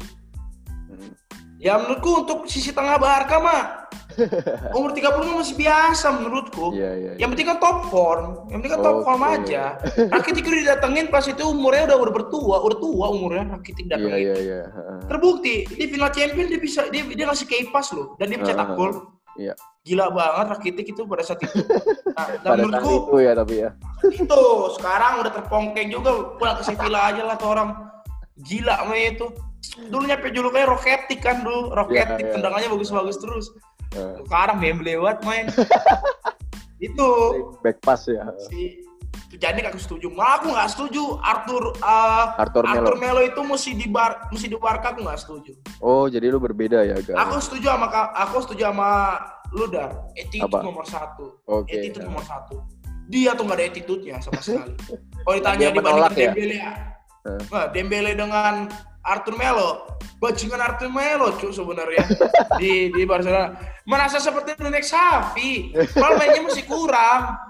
Hegemoninya itu loh mungkin nggak tahu apa kayak gini pemain-pemain Brazil gaya-gayanya ya Iya iya iya. iya. tapi ah gak suka banget aku ngeliatnya di awal musim oke dia datang di awal musim itu bagus Heeh. Bisanya caur mainnya. Suka keping keping apa kebanyakan dribbling. Dribbling dribbling soal sambah-sambah. Heeh. Di shoot kagak masuk. Mending passing, di shoot kagak masuk. Ya Iya, iya. ampun, bilang. Aku setuju sama Pjanic. Setuju banget. Pjanic ya. Apakah dari lu tadi Alfonso Davies? Jadi eh, Barca ini mungkin membutuhkan back kiri yang cepat dengan pace-nya, ya kan? Dan mengobrak-abrik pertahanan lawan. Nah, setelah itu siapa lagi, Jos? Eh, Nelson Semedo udah di kanan. Aku nggak tahu lagi sih sebenarnya. Tapi depannya sih, aku malah lebih mikirin depannya sih. Siapa tuh? depannya ini hmm, udah ada Dembele sih tapi Dembele kalau nggak top form lagi siapa ya yang kreativitasnya bagus ya aku kurang ngikutin kalau bola-bola di luar Barca Oh, jadi itu jadi lu emang sukanya Barcelona doang ya? Barcelona itu orang siapa ya yang bagus lagi aku tahu pemain-pemainnya tapi jarang tahu Oke. kualitasnya gimana Heeh. ikuti bola luar tapi nggak tahu nyampe pemain ini kualitasnya seperti apa bagusnya dan lain-lain Iya, gitu iya. nyampe nggak tahu sih Hmm. tapi tengahnya aku pengennya yang larinya kuat Hmm. Efektivitasnya seperti Lewandowski. Lewandowski itu gila sih musim Iya iya iya, striker kelas dunia memang dia.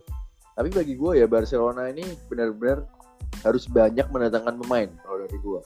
Pertama dari Ya. back tengah, yaitu Barcelona ini udah mengincar pemain ini ya pemain Villarreal sejak lama yaitu Pau Torres dan gue setuju ketika Barcelona Torres. eh, ingin mendatangkan Pau Torres karena pertama eh, Barcelona ini bisa dikatakan jarang mendatangkan back tengah dari liga lain dan banyaknya Barcelona tuh dari liga Spanyol apa dari negara Spanyol walaupun Lenglet sama Umtiti ini dari Prancis ya Dari tapi Prancis. kalau gue lihat back-back bagusnya Barcelona itu kebanyakan dari Spanyol. Pertama itu soal jam terbang dan juga soal adaptasinya di Spanyol. Makanya Lenglet dan Umtiti gue ter- tidak terlalu im- Iya. impress gitu kan. Hmm. Di sini gue Pau Torres. Apakah lu tahu Jos Pau Torres dari Villarreal? Nggak, kurang, kurang ngikutin gue ke Pau Torres, Pau Torres kurang ngikutin tapi si Luis Garcia dong yang ngikutin. Luis Garcia-nya City Oh, Eric ya. Garcia, Eric Garcia. Oh, Eric Garcia maaf, Eric Garcia itu mesti ngikutin, mesti ngikutin gitu. Iya iya iya. Ya lumayan lah walaupun kemarin jelek banget mainnya pas lagi lawan Lyon. lawan apa tuh? Iya Lyon. Lyon, walaupun cacat mainnya tapi ya aku lihat sejauh ini City lumayan bagus lah mainnya. Iya iya. Tapi kalau gue Pau Torres tuh karena dia pertama di Villarreal memiliki jam terbang, terus juga kan back tengah Barcelona ini membutuhkan nggak cuma bertahan tapi bisa membangun serangan ya kan Jos. Yang kita lihat Ya, Pique Puyol waktu itu dua-dua back tengah yang bisa membangun serangan. Dan gue melihat Pau Torres ini pertama masih muda umur 23 juga dan dia juga bisa membangun serangan. Bahkan dia juga bisa memenangkan duel udara karena dia Iya. cukup tinggi. Ya itu Hmm. bagi gua kayaknya bagus nih Barcelona kalau mengincar itu. Iya. Berikutnya nih kalau lo tahu ini pemain akademi Barcelona, Jos. Mantan pemain akademi Barcelona itu Alex Grimaldo. Alex Grimaldo tahu. Iya, kan sekarang di Benfica nih. Dilepas Iya, juga di. Barca ini. Iya dilepas juga. Ya. Nah, kalau Banyak lo- yang bagus-bagus dilepas Barca tuh. Sumpah. Hector Bellerin Ya, ya, ya, ya. kayaknya top form banget dia tuh di Arsenal. Heeh. kalau lo melihat Alex Grimaldo ini gimana nih? Kurang. Kurang. Aku nggak tahu ya, tapi ketika dulu dilepas ke Barca mainnya kurang Grimaldo. Mhm. Mainnya nggak kurang. Tapi biasanya gitu sih kalau jadi mantan tiba-tiba kayak bagus ya dilihatnya ya. Kalau udah jadi mantan tai emang tuh. Iya. Udah jadi mantan kayak bagus ya. Heeh. Kalau gue melihat Alex Grimaldo ini salah satu back kiri yang cukup bagus di dunia ya bahkan bisa gue bilang walaupun Iya. dia bukan top 5 tapi bagi gue salah satu back yang cukup bagus musim ini. Yang di mana Hmm. bagi gue dia tuh tip apa mirip Dani Alves tapi di sisi kiri. Yang di mana Dani Alves kan suka Oh. tusuk tusuk ke tengah nih. Iya. Terus shooting dari luar kotak flashing atau bahkan free kicknya juga bagus. Nah, Alex Ya. Grimaldo itu tipe seperti itu. Dia bisa passing, crossing, lari juga oke, tusuk ke tengah, terus juga shooting dari luar kotak penalti bagus gitu. Nah, gue Iya, iya. sebenarnya menginginkan Alex Grimaldo ini di Barcelona, walaupun gue bukan fans Barcelona ya. Karena dia juga mantan pemain akademi gitu loh, pasti mau juga nih untuk kembali ke Barcelona gitu. Nah, Eh, gimana? kalau Grimaldo ya, aku kurang ngikutin sih sebenarnya. Hmm, Tapi nanti aku cek lagi highlightnya. Oh iya, apalagi dia di Benfica kan. Ya namun mana mungkin aku nonton Benfica main. Karena di liganya aja dia kurang konsisten Iya. juga. Yang konsisten kan Porto lagi gila-gilanya. Ya, ya Porto yang Eh, gila. Porto lagi gila-gilanya kan kemarin. Kan dari Ya. BKM sendiri ini kan tadi Smedo atau Jarzi Roberto yang dijual nih. Kalau bagi lu sendiri di pemain akademi Barcelona kan ada Moussa gue. Bagi lu apakah sudah layak nih Jos untuk naik? Belum. Belum. Dia juga Kenapa masih tuh? kurang itu. Ya, aku melihatnya ya ketika dia dikasih apa namanya dikasih kesempatan biasanya main itu belum bisa eye catching gitu loh. Beda ketika zamannya dulu, Iya iya. zamannya dulu ya Isak Cuenca dulu. Kok Isak Cuenca bagi lu eye catching kah? Dulu eye catching. Wah, eye catching dulu. Walaupun nggak tahu ke depannya sekarang udah jadi gak jelas kan di mana kadang.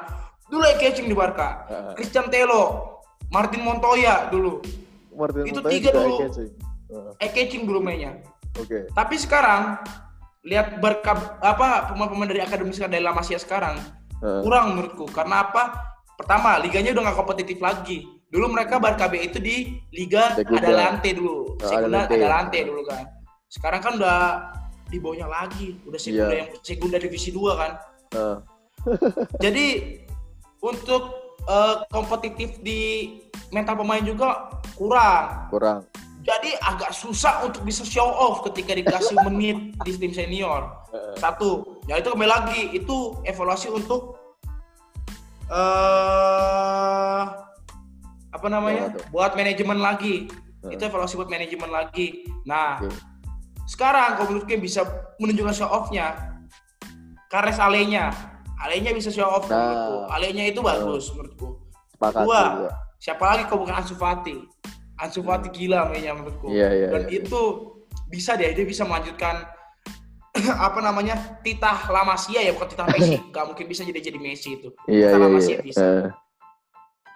Tapi ini sih bagi gue Carles Alenya tuh gue juga sepakat. Kalau mau sama gue, gue men- gue tidak sepakat karena itu sebenarnya sudah secara talent nih Barca banget dengan passing, crossing yang lagi-lagi. Siapa siapa siapa maaf? Mau sawa gue yang gue bilang tadi siapa- nggak iya, cocok. Iya, iya, Nah, iya, iya, iya, iya. hal bagi gue itu dia cocok untuk bermain di Barca karena bermain passing dan crossingnya cukup bagus dan walaupun dia belum diberikan kesempatan ya oleh Barcelona juga sedangkan Carles Alenya gue juga sepakat untuk dipromosikan ya kan karena bagi gue dia sangat bagus loh ini gue juga bingung Alenya kenapa nggak pakai Carles Alenya gitu loh padahal dia secara passing juga bertahannya juga cukup bagus gitu loh dari passing Di era manajemennya Bartomeu ini nggak jelas memang pemain La Masia dibuatnya. Sumpah. Yang paling parah itu ya ada Traore cabut. ya eh, itu itu salah satunya apalagi tuh ada apa kok bisa bikin cabut Rafinha walaupun dia sosok minimal jadi pelapis bisa loh Rafinha Iya iya. Nah, gue sepakatnya Musawa tuh gue ini jadi pelapis gitu. Pelapisnya entah Hmm. nanti Semedo atau Roberto. Walaupun nanti gue prediksi kayaknya Ronald Koeman pengen bek kanan yang baru sih bagi gue ya. Tapi kita pasti lah dia Iya. Tapi kita nggak tahu juga tuh. Nah, kalau dari gua nih ada sebenarnya yang sangat cocok untuk Barcelona itu. Lu tahu Ruben Neves nggak, Jos? nggak tahu gue Ruben Neves Ruben Neves pemain Wolves, Wolverhampton. gue nggak terlalu ikutin Wolverhampton cuma tahu karena ada Adama doang di situ Oh, ada. pasti di Big Four Big Four aja gue ikutin sih Nah, Big Four Ruben Neves ini gelandang tengah dari Portugal yang sangat fenomenal ya dan ini sebenarnya heboh kalau di Liga Inggris. Dia pemain salah satu pemain yang sangat bagus. Yang di mana kalau mungkin dilihat ini gelandang tengah yang cukup komplit. Dia bisa bertahan, menyerang juga oke.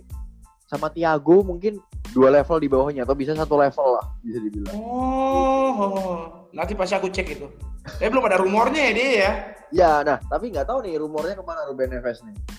Semoga bisa ke Barcelona karena ini sangat butuh. Ruben Neves nih bisa melakukan passing juga di di playing playmaker itu passing dari area agak dalam dengan long Iya, pass iya, long iya. passnya karena Wolves ini kan bermainnya long pass kan. Ah. Ruben Neves ini juga bagus dalam hal tersebut gitu loh. Itu sih kalau dari gua. Nah kalau sayap sendiri Jos, di sayap sendiri apakah Barcelona nggak nggak nggak butuh apa-apa? sayap depan ya Hmm, sayap kanan kiri atau mana lah? eh sejauh ini kan masih Griezmann Neymar dan Eh kok Neymar? Enggak eh Neymar Griezmann Suarez dan Messi kan Messi. ya Griezmann Griezmann nggak bisa kayak taruh sayap menurut gua selalu nggak pernah cocok loh di taruh sayap itu Iya benar. nggak tahu kenapa menurut lu gimana kalau kau Kalau- mulu dibuat Heeh, kalau nggak bisa apa-apa Iya, kalau menurut gue sebenarnya Griezmann ini bagus. Cuma dia diberi role yang tidak sama seperti di Atletico. Jadi kelihatannya jelek. Hmm, Padahal bagi gue Griezmann ini bagus. Hanya saja dia diberikan role yang berbeda yaitu seperti membuka ruang, bermain Hmm. sedikit melebar. Karena kalau di Atletico Madrid dia jadi striker tuh, jadi striker. striker tengah. striker Nah, yang cepat tusuk-tusuk ke tengah. Nah, kalau di. Barcelona dia diberikan role berbeda sebagai pelayan istilah. Iya Nah, jadi pelayannya Messi ini. Kalau gue lihat ya Griezmann ini. Buat Ya. jadi itu. gue ngeliatnya sih itu sih bener jadi gue jarang banget ngeliat seorang Griezmann itu bisa shooting on target itu aja nggak pernah gue lihat dikit bukan bukan nggak pernah ya dikit Iya, iya. mungkin karena itu benar role role bermain dia kayak bukan diproyeksikan untuk shooting Iya. aku nggak tahu ya itu salah atau nggak di Tiki Taka aku belum bisa menganalisis lebih dalam mengenai informasi Heeh. tapi menurutku ketika melihat dia seperti itu padahal di Atletico wah kalau shoot on target kayak Iya, dia bagus banget. masuk kau masuk masuk kayak kurang menurutku malah perlu dipertimbangkan untuk dijual menurutku Griezmann Oh, Griezmann malah inginnya lo dijual. dijual menurut gua kayak kasihan malahan kalau memang nggak ada tempat un- untuk menjadi role di tengah daripada dia kayak gitu terus main kalau kita lihat mukanya nggak happy yang perlu Iya. kita yang perlu yang perlu di Barca sekarang adalah orang-orang yang benar-benar happy kan pemain untuk Iya, Barcelona iya, iya, gitu. benar benar benar. Cuma kalau dia punya kualitas, harga gaji mahal, tapi role-nya nggak sesuai dengan hati dia dan demenya setengah hati, Heeh. ya menurutku jual aja sih gaji juga mahal. Iya, iya, iya, iya. Tapi di sayap sendiri Barcelona ini mengembalikan pinjaman Trinka Trincao. Kalau lo melihat Hmm. apakah lo ingin mempromosikan dia nih sebagai fans Barcelona? Iya sih. Iya, Lihat iya dia, oke. Mainnya Iya. bagus banget, gue udah nonton. Dulu sebelumnya Gremio ya, kalau nggak salah ya. Bener Iya, nggak sih, di, di, di, Di Gremio. gue juga lupa juga. Iya, Gremio, Gremio sih. Heeh. Itu mainnya, wah oke sih, oke banget mainnya. Gue udah lihat kan, macam-macam Iya. Neymar, tapi beritanya dulu Neymar kan hype banget kan di Santos. Ah, ah. ada pemain ada pemain muda namanya Neymar mainnya gini gini tapi ya Trincao ini nggak nyampe segitunya sih Iya, iya, tapi iya, nggak iya. tahu Gue juga sepakat sih kalau Trincao nih lebih baik dijadikan pelapis, diberikan jam terbang seperti itu. Hmm, Tapi kalau lu tahu ini nggak Irving Lozano nggak? Nggak Pemain- tahu pemain Napoli. Dia Irving Lozano bagi gua sayap yang cukup teknikal yang juga melakukan tusukan-tusukan ke tengah sangat sesuai dengan permainan Barcelona. Sayangnya kan Napoli ini kan dilatih oleh Gattuso nih. Gattuso ini kan suka pemain yang ngotot ya kan, yang berotot, Hmm. Iya.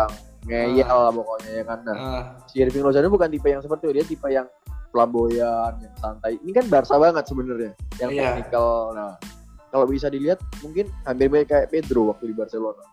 wah Pedro. Pedro. Gue paling suka sama Pedro tuh dulu. Pedro iya baru Iya. inget cuk. Pedro.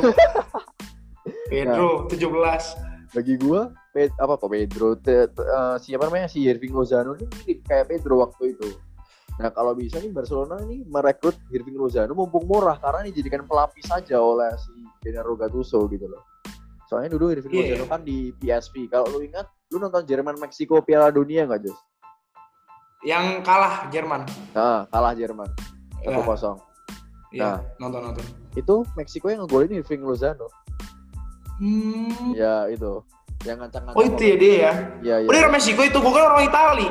bukan orang Meksiko Oh orang Meksiko itu. Nah, Pedri, Pedri sekarang nggak tahu posisinya apa sih Pedri, tahu nggak sih Pedri? Pedri yang baru ini? Pedri sayap kanan Sayap kanan ya, posisi Eh. posisinya Messi ya harusnya ya, posisi Messi sekarang kan ya sayap kanan. posisi Messi lah kalau sekarang ha.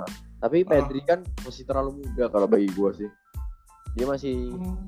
harus dipinjamkan lagi nah kalau dari striker lubang tengah sendiri sebagai target man lu ini ya- tadi menginginkan pemain seperti Lewandowski aja sih Iya.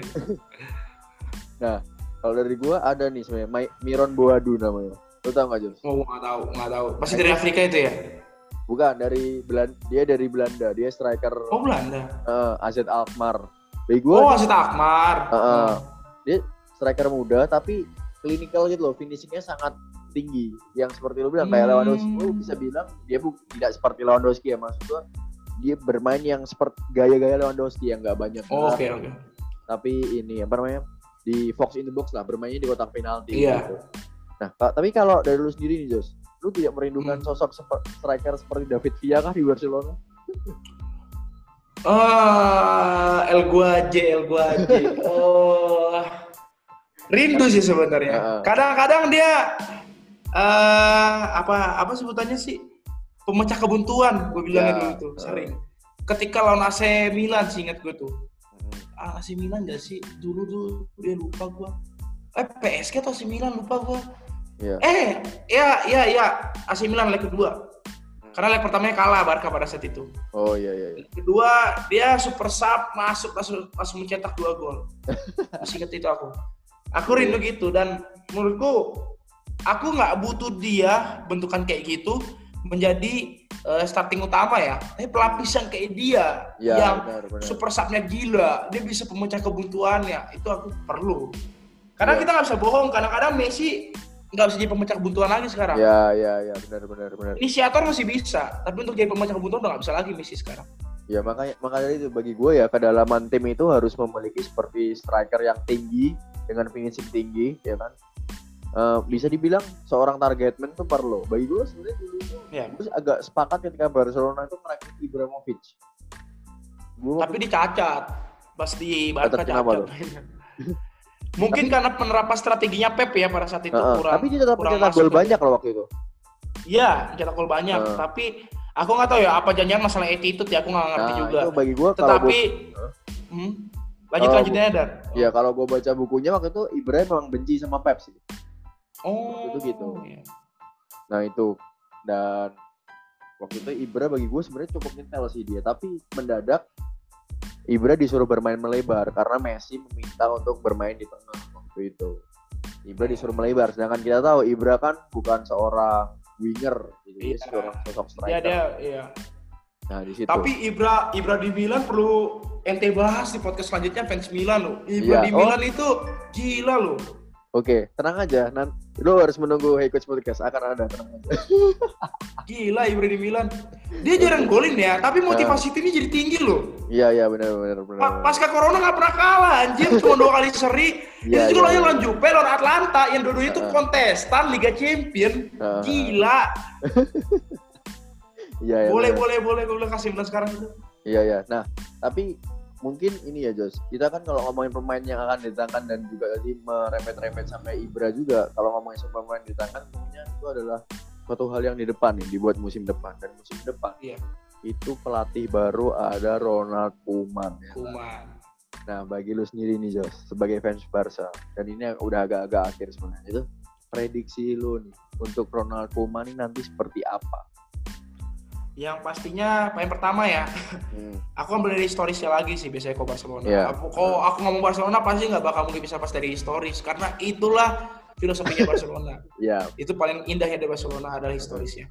hmm. Ronald Koeman yang mungkin teman-teman tahu ya tahun 92 kan final Pema- eh, lawan lawan Sampdoria kalau nggak salah ya lawan Sampdoria nggak sih bener kan iya iya iya. Kayaknya Sampdoria gitu. yang gol tendangan bebasnya dia Mm. yang jadi ikonnya dia di Barcelona pada saat itu di mana pada saat itu Barcelona bermainnya itu adalah total football Benar. Johan Cruyff di kan. situ belum tiki taka tiki taka itu Pep Guardiola pengembangan Guardiola. dari total footballnya Hmm. di situ total football karena siapa pelatihnya Cruyff. almarhum salah satu legenda Barcelona dan legenda Ajax Amsterdam kan Iya. Johan Cruyff Nah, dan eh, aku yakin aku yakin dia mau warisi itu Hmm. apalagi dia sebelumnya pelatih Belanda kan Belanda filosofinya kuat Iya. juga dalam permainan bolanya Ah, mereka persetan loh kayak misalnya pada saat itu nggak lolos Piala Dunia kan hmm. nggak lolos mereka persetan memang itu jadi momok momok momok bibir apa yang malu lah ya momok momok Iya, malu iya, lah iya. mereka Ah, lolos tapi iya.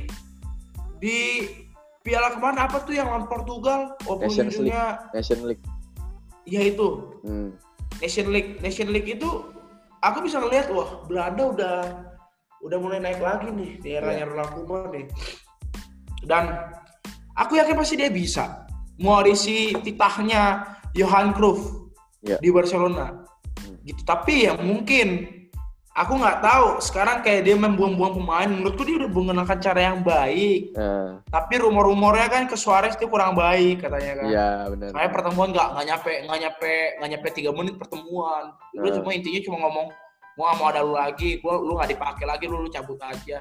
Dan manajemen juga tidak meredam konflik internalnya malah ya udah dia Iya. bosnya cuma gitu doang. Nah, nah ini juga kan akhirnya merembetnya ke Messi lagi di mana Hmm. Uh, Suarez ini adalah CS-nya gitu kan. Iya benar. Dan menurutku apa namanya? Ronald Koeman ini merupakan salah satu solusi bagi Barca menurutku untuk sekarang Oke. dia regenerasi bagus eh, komposisi pemain yang dia eh, scouting itu bagus-bagus di luar direktur teknik Barcelona yang ampas si Abidal Eh, tapi dipecat juga Ya. kan. dipecat sekarang gak dia kan asistennya Abidal bedanya apa asistennya harusnya lebih cacat menurut logikanya lebih cacat asistennya aku Iya. mengharapkan di mana scouting Barcelona itu kayak scoutingnya Joan Laporta dulu si eh, Carles Rek Rexach kalau nggak salah namanya lupa aku namanya Sama Siki dulu, Siki Bergstein. Iya, dia bisa menemukan Messi. Dia bisa menemukan Messi pada saat itu. Nyampe, wah ini harus nyampe di Barca. Nyampe pakai tisu dulu kontraknya. Ya. Saking gak ada kertasnya pada saat itu dan boom gitu loh. Boom hasilnya boom Messi. Aku mengharapkan ada kayak gitu lagi sekarang scouting Iya, dari iya. Barcelona. Eh, Sekarang tuh cacat banget. Gila udah berapa duit itu keluar. Pemainnya bolak-balik ganti, bolak-balik ganti dan bisnisnya ini tai menurutku bilang. Yerimina, Yerimina dibeli dulu. Menurutmu karena Eh. apa Yerimina dibeli? dibisnisin, dijual lagi. Bukan. Di apa? Untuk mencari pendukung dari Kolombia. Oh. Kolombia pada saat itu mayoritas mendukung Madrid karena James Rodriguez pada saat itu. Mereka mencari Iya. orang dari Kolombia, ah pesetan mau bagus dia beli dulu aja. Beli, merchandise-nya pasti dibeli. Orang Ah. Kolombia banyak banget. Hmm. Kasih sekali main, udah main, dijual. Uangnya Kayak banyak dapat kan. Nah. Kevin Felix Boateng. Kenapa kalau Tim yang- Boateng? tim yang tidak sekali berbarca aja nggak ada yang mau beli Boateng. Kok Barcelona bisa mau? Logikanya gitu aja. Iya iya iya iya. Arsenal, Liverpool, bahkan Wolverhampton juga nggak ada yang mau pakai jasa satu orang. Kok Barca bisa mau? Eh, Kenapa Sama. Karena bisnis itu juga. Hmm. Agar pendukung-pendukung dari negaranya mana tuh lupa aku. Ghana, Ghana kalau kan. Ghana kan yang ada di Afrika. Ke dia semua beli merchandise dan lain-lain itu jual lagi itu gila karena pendapatan pendapatan bola terbesar bukan dari tiketing tapi dari merchandise Merchandise, ya benar. merchandise itu tinggi banget karena merchandise setiap hari akan ada terus Ya. tiketing hanya ketika Pertandingan. apa lagi ada pertandingan Pasti, aja kan dan, ya. dan itu itulah salah satu kelicikannya Bartomeu gue bilang Gila. Tapi kalau itu tuh balik lagi tadi prediksinya buat Ronald Koeman nih gimana? Apakah apakah dia akan sukses atau bagaimana nanti berjalannya Ronald Koeman nanti di Barcelona?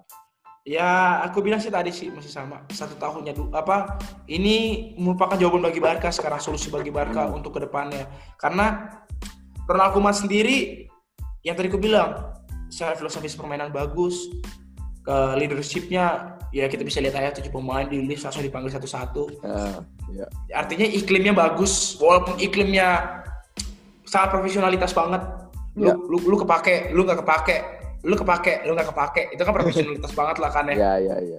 Memang profesionalitas dan eh, apa namanya pros- prospeknya itu memang untuk tim gitu loh. Hmm. Ya dia bisa. Tapi ketika dia terlalu berani untuk tujuh pemain, apa pemain dirombak, Ah, ini bisa menjadi bumerang juga buat Barca. Bumerangnya bukan masalah Barca jadi jelek ya atau gimana pun itu. Bumerangnya adalah satu tahun pertama bisa menjadi percobaan untuk masa dia. Oke. Artinya fans-fans Barcelona Barcelona di luar sana masih perlu waktu lagi untuk melihat gimana sih Koeman kalau udah Hmm. cun banget dengan atau udah klop banget dengan timnya. Mungkin hampir sama seperti Jurgen Klopp ya dulu ya Jurgen Klopp. Dia juga kan Hmm. masih butuh waktu juga adaptasi lagi-lagi dan lain. Aku feeling gue bakal sama juga bakal kayak gitu. Hmm. Tapi aku berharap ada keajaiban Barca di musim pertamanya bisa gila-gilaan. Seperti di eranya Pep. Di musim pertama Pep langsung gila Oke. Iya aku langsung gila. berharap sih aku berharap semoga bisa juga kayak gitu dia rombak tapi dia rombak dengan yang tepat dengan gaya dengan racikan yang tepat dengan gaya tepat dengan keputusan yang tepat seperti Pep pada saat itu punya keputusan ya udah kayak Ronaldinho Ronaldinho kita jual Iya. Hmm. itu nah yang jadi masalah ini balik ke Messi nih ada hubungannya Kenapa? Kenapa? Kenapa? kenapa nggak setuju kalau misalkan dibilang Ronald Koeman orang yang berani sama seperti Pep ini jual ini jual ini jual Hmm. Ronald Koeman ngomong ke Messi, dia salah satu dari pencanangan prospeknya dia di klub. Hmm. Itu Iya. menurutku itu jelas. Ente-ente kayak misalkan, misalkan kayak contoh Ko Justin atau siapa pun itu yang udah Messi out Ah. aja karena udah tua, udah gini gini gini gini. Iya, iya, iya. Ya, ya hargain keputusan pelatih juga. Pelatih pengen itu orang ada, ada pemain juga di situ. Hmm. Ada yang ngomong berspekulasi. Kalau misalkan dicabut kan lebih mudah pemain-pemain tua yang lainnya gini gini gini. Iya. Lah, ente ngasih harapan ke Ronald Koeman biar bisa ngangkat semua pemain itu. Kenapa sekarang jadi nggak percaya sama Ronald Koeman lagi? Karena orang percaya kan? Ini bisa Iya, dikat gini gini gini. Ya udah, dia butuh Messi. Masa masih takut teman-teman yang lain gak mau keluar? Kan dia udah berani. Iya, Kita, kita sekarang udah Ronald Koeman, udah bukan Setien. Bayang-bayang Setien tuh masih ada di kita. Gitu loh. Kalau dibilang Messi sekarang udah nggak top 4, menurutku iya. Hmm. Tapi bukan artinya udah bapuk. Iya, CR iya. menurutku udah bapuk. Aku bukan, bukan hater CR ya. Aku Iya, iya. aku aku suka rivalitas keduanya. Iya. CR udah bapuk sekarang menurutku. Messi belum. Terbukti dari mana? Itu top assist dan top goal di La Liga. Hmm. Walaupun nggak nggak kompetitif banget, di umurnya segitu siapa yang bisa katanya? Hmm. Bisa dua-duanya. Golnya lawan golnya lawan Napoli. Kalau misalkan kita melihat, ya kalau kita masih melihat dari matchnya Munchen ini, kayak dia jalan kaki gini gini gini gini gini gini, Hmm. itu udah dari tahun berapa? Dari tahunnya Pep Guardiola udah kayak gitu dia permainannya. Hmm. Itu kegoreng kegoreng aja menurutku orang-orang kegoreng jujur aja. Hmm. Kayak mungkin pertama kalinya melihat Barca lawan Munchen lagi kan, karena mungkin jarang nonton Liga Spanyol kan. Messi jalan kaki doang, jalan kaki itu udah dari era Pep menurutku kayak gitu kayak permainannya Oke. dan ya berhasil berhasil dari dulu dari era Pep tapi yang kemarin itu kan masalah disiplin disiplinitasnya kan pasti Ya. orang membahasnya Hmm. Udah harusnya disiplin orang bertahan kok dia nggak mau bertahan gini gini gini gini gini. Ya itu subjektif menurutku. Tapi kalau kita bandingkan kemarin disiplin tidak disiplin dengan dari era Pep udah kayak gitu permainannya jumlah gol dia gila dengan main kayak gitu. Dia jalan dia jalan kaki kalau dia bunyi sting gol dia langsung lari dan langsung cetak gol. Aku suka Oke. nonton, nonton dia kayak gitu. Dan menurutku ya satu tahun tapi dia harus berani untuk dicadangkan itu sih kalau aku Oh iya iya. Jadi ini ya dari lu sendiri ya Messi tidak setuju apa lu tidak setuju lah kalau Messi ini dijual atau diusir ya Iya. tidak setuju. Karena Kalau- beda, orang-orang Hmm. kan ngasih persamaannya kan ketika Pep berani ngomong, nggak lu gue jual. Ronaldinho kayak Hmm. gitu. Beda sekarang, Koman tuh ngomong, gue butuh lu. Oke. Hargai juga keputusan pelatih. Kalau kalian menghargai Messi misalkan enggak, biar pada cabut aja semua gini. Hargai juga keputusan pelatih dong, demi gue Barca. Ronaldo mungkin mesti ngasih kepercayaan ke Messi. Eh, Keluar eh. dari politik internal, Iya dia mesti iya. ngasih kepercayaan secara secara pribadi kepada Messi. Ya, kenapa enggak? Dan aku yakin berani, Koman tuh masih berani untuk buat dia jadi pelapis.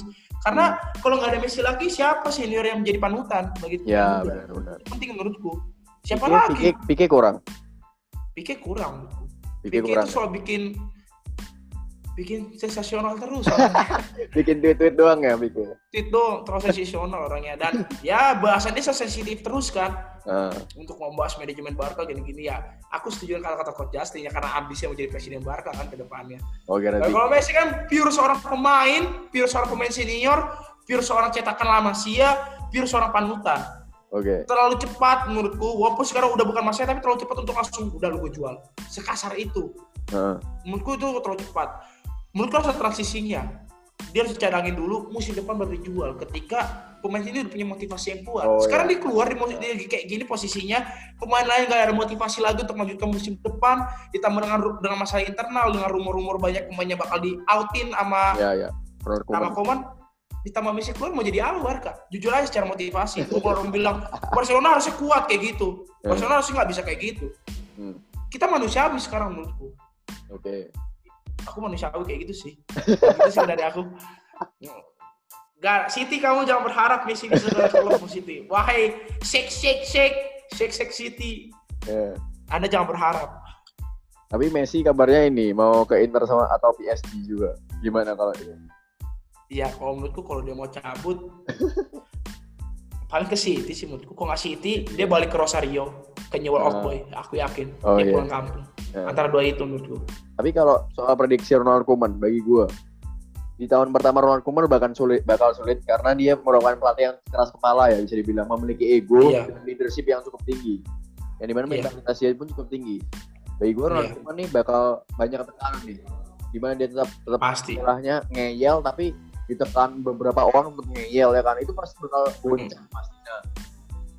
Dalam goncang tersebut tuh pasti bakal ini akan ada apa ya rumor-rumor pemecatan lagi ya kan pasti. Pasti. Nah, Kayak. Valverde lagi. Hmm. Ya, bagi gua di situ sih, Jos nanti. Iya sih, itu. aku setuju. Dan- Sama sih. M- Makanya tadi aku bilang ya aku ya sedikit ada harapan kok bisa musim pertama kayak Pep lah, kalau Iya. gitu tadi. Nah. Nah, itu sih kalau dari gua. Nah, tapi secara taktikal sendiri, Ronald Koeman ini sama Belanda lagi top-topnya padahal. Tiba-tiba dia keluar. Iya. Sangat disayangkan nih tidak bisa mengantarkan Belanda yang bisa dibilang favorit juara Euro ya. Iya. Tapi sangat disayangkan. Nah, kalau dari gua tuh kayaknya udah cukup sih. Nah, kalau dari lu Jos, apakah ada tambahan Jos? Tadi udah berpanjang lebar tadi menyurahkan ya kan fru- kefrustasian sebagai fans Barcelona. Ya kalau tambahan dari aku sih ya itu sih untuk menanggapi isu yang sekarang ya Messi ya. Mungkin aku mau beda sama orang-orang yang lain. Kalau menurutku aku nggak melihat dari sisi profesionalitas bahwa Barca itu adalah tim besar. Hmm. Ya Barca adalah tim besar. Pemainnya sejago apa pun itu mereka tetap manusia menurutku. Oke. Tetap manusia. Butuh namanya motivasi. Oh. butuh namanya penyemangat lagi gitu Eh. dan dengan dengan gaya gayanya Koman ini harapan ada harapan ada pasti Eh. Tapi tekanannya itu kuat juga pasti. Dan itu bakal mempengaruhi banget loh untuk top, untuk for- formnya mereka nanti ketika Hmm, bermain. Iya. kadang lagi gonjang-ganjingnya banget. Messi ini masih harus ada menurutku. Karena mau aku setuju. Me- Messi leadershipnya nggak ada menurutku. Setuju aku. Ya, nggak ada, ya. nggak ada leadershipnya. Eh, gua juga sepakat. tapi kita nggak bisa bohong. Messi itu sosok sentral di Barcelona. Iya. kalau kita ngomong Barcelona kita ngomong Messi. Hmm. kalau orang bilang Barcelona lebih besar dibandingkan Messi, Messi. tetapi Barcelona yang modern sosoknya adalah Messi Oke. ciri-ciri Barcelona modern adalah Messi Oke. aku nggak bisa bohongin itu Nah, siapa pemain Barcelona paling terkenal Messi masih gitu langsung Oh ini, ini, ini, Messi, Messi. Padahal ada Maradona, Iya. ada Johan Cruyff, ada Ronaldinho. Hmm. Karena apa? Yang kita tanyakan itu adalah penikmat sepak bola modern menurutku. Eh, Sama seperti sekarang. Menurutku itu, makanya itu aku nggak setuju. Maupun dia dibilang udah nggak udah nggak top form lagi, satu tahun lagi menurutku minimal. Kasih lagi dia Oke. kesempatan satu tahun lagi untuk ngasih motivasi. Itu kan untuk Barca juga, bukan untuk karir dia. Untuk Iya, Barca juga kan ngasih motivasi. Hmm. Orang bilang kan dia keluar demi Barca loh. Aku dia bertahan demi Barca agar biar ada motivasi motivasi buat pemain muda. Bedanya apa? Ya itu makanya gue bilang isu Me- Messi ini sangat subjektif banget menurutku. subjektif iya. banget. Aku aku bukan fans Messi, aku fans Safi dari dulu. Malah lebih sakit hatinya Safi pas dicabut. hmm. aku fans Safi dari dulu. Nah, jadi menurutku sosok sentral itu adalah dia sekarang. Kenapa dia kelihatan egois sekarang? Eh, karena dia pengen jadi sosok yang leadership menurutku Oke. tapi dia nggak bisa itu gitu dia pengen Ya, leadership benar, tapi nggak bisa benar. jadi kelihatannya egois kalau dia pengen pengen sejak kapan Messi tuh ngomong mula sama wasit dari tahun ke tahun tuh nggak pernah lihat aku Ya. dia kalau dilanggar diem doang pasti yang marah-marah Sergio Busquets biasanya kalau nggak Sergio Busquets si Pique dan Ya. dulu Iya, iya. ibaratnya anak bawangnya lah dulu kan Dia Hmm. dilanggar sekeras apa pun nggak bakal marah-marah ke wasit Iya. sekarang benar. apa apa ngambek wasit marah-marah ke wasit lah apa Iya, iya. itu dia berusaha loh minimal Heeh. mau orang bilang kayak egois nih orang ini egois gini aku Iya. melihat dia ada usahanya karena aku nggak lihat Messi cuma dari tahun ini doang tapi dari tahun-tahun jebot Oh iya iya. itu dan itu aku lihat iya dia nggak bisa dan menurutku kalau dia mau jadi mau tetap di Barca ganti ban kapten ke Ter Stegen Oh. Ter Stegen Ter Stegen ya. ban, ban kapten Ter Stegen sih menurutku ya menurutku gitu sih dan untuk fans-fans Barca pengikut Ya, coach gimana nih semoga Barca musim depan eh, walaupun mungkin spekulasinya kita harus menunggu satu musim dulu untuk melihat top kualitasnya Barcelona kita nih. Tapi kalau bisa Heeh. ya kita berharap bareng-bareng musim depan kita udah udah top form lagi bisa main bagus lagi dan treble winner pastinya dan sextuple Oke. karena akhirnya udah ada lagi bisa menyaingi Barca dua kali treble winner.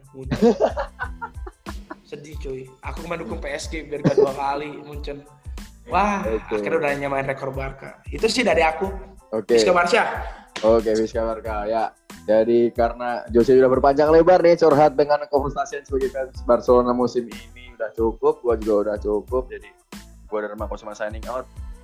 Jose, Bapak Andreas Jose, fans Barcelona, say goodbye. thank you thank you banget thank you banget di sini senang bisa curahin hati akhirnya Ya, meluangkan dan mencurahkan hatinya dan sampai jumpa di episode Hey Coach Podcast berikutnya. Goodbye.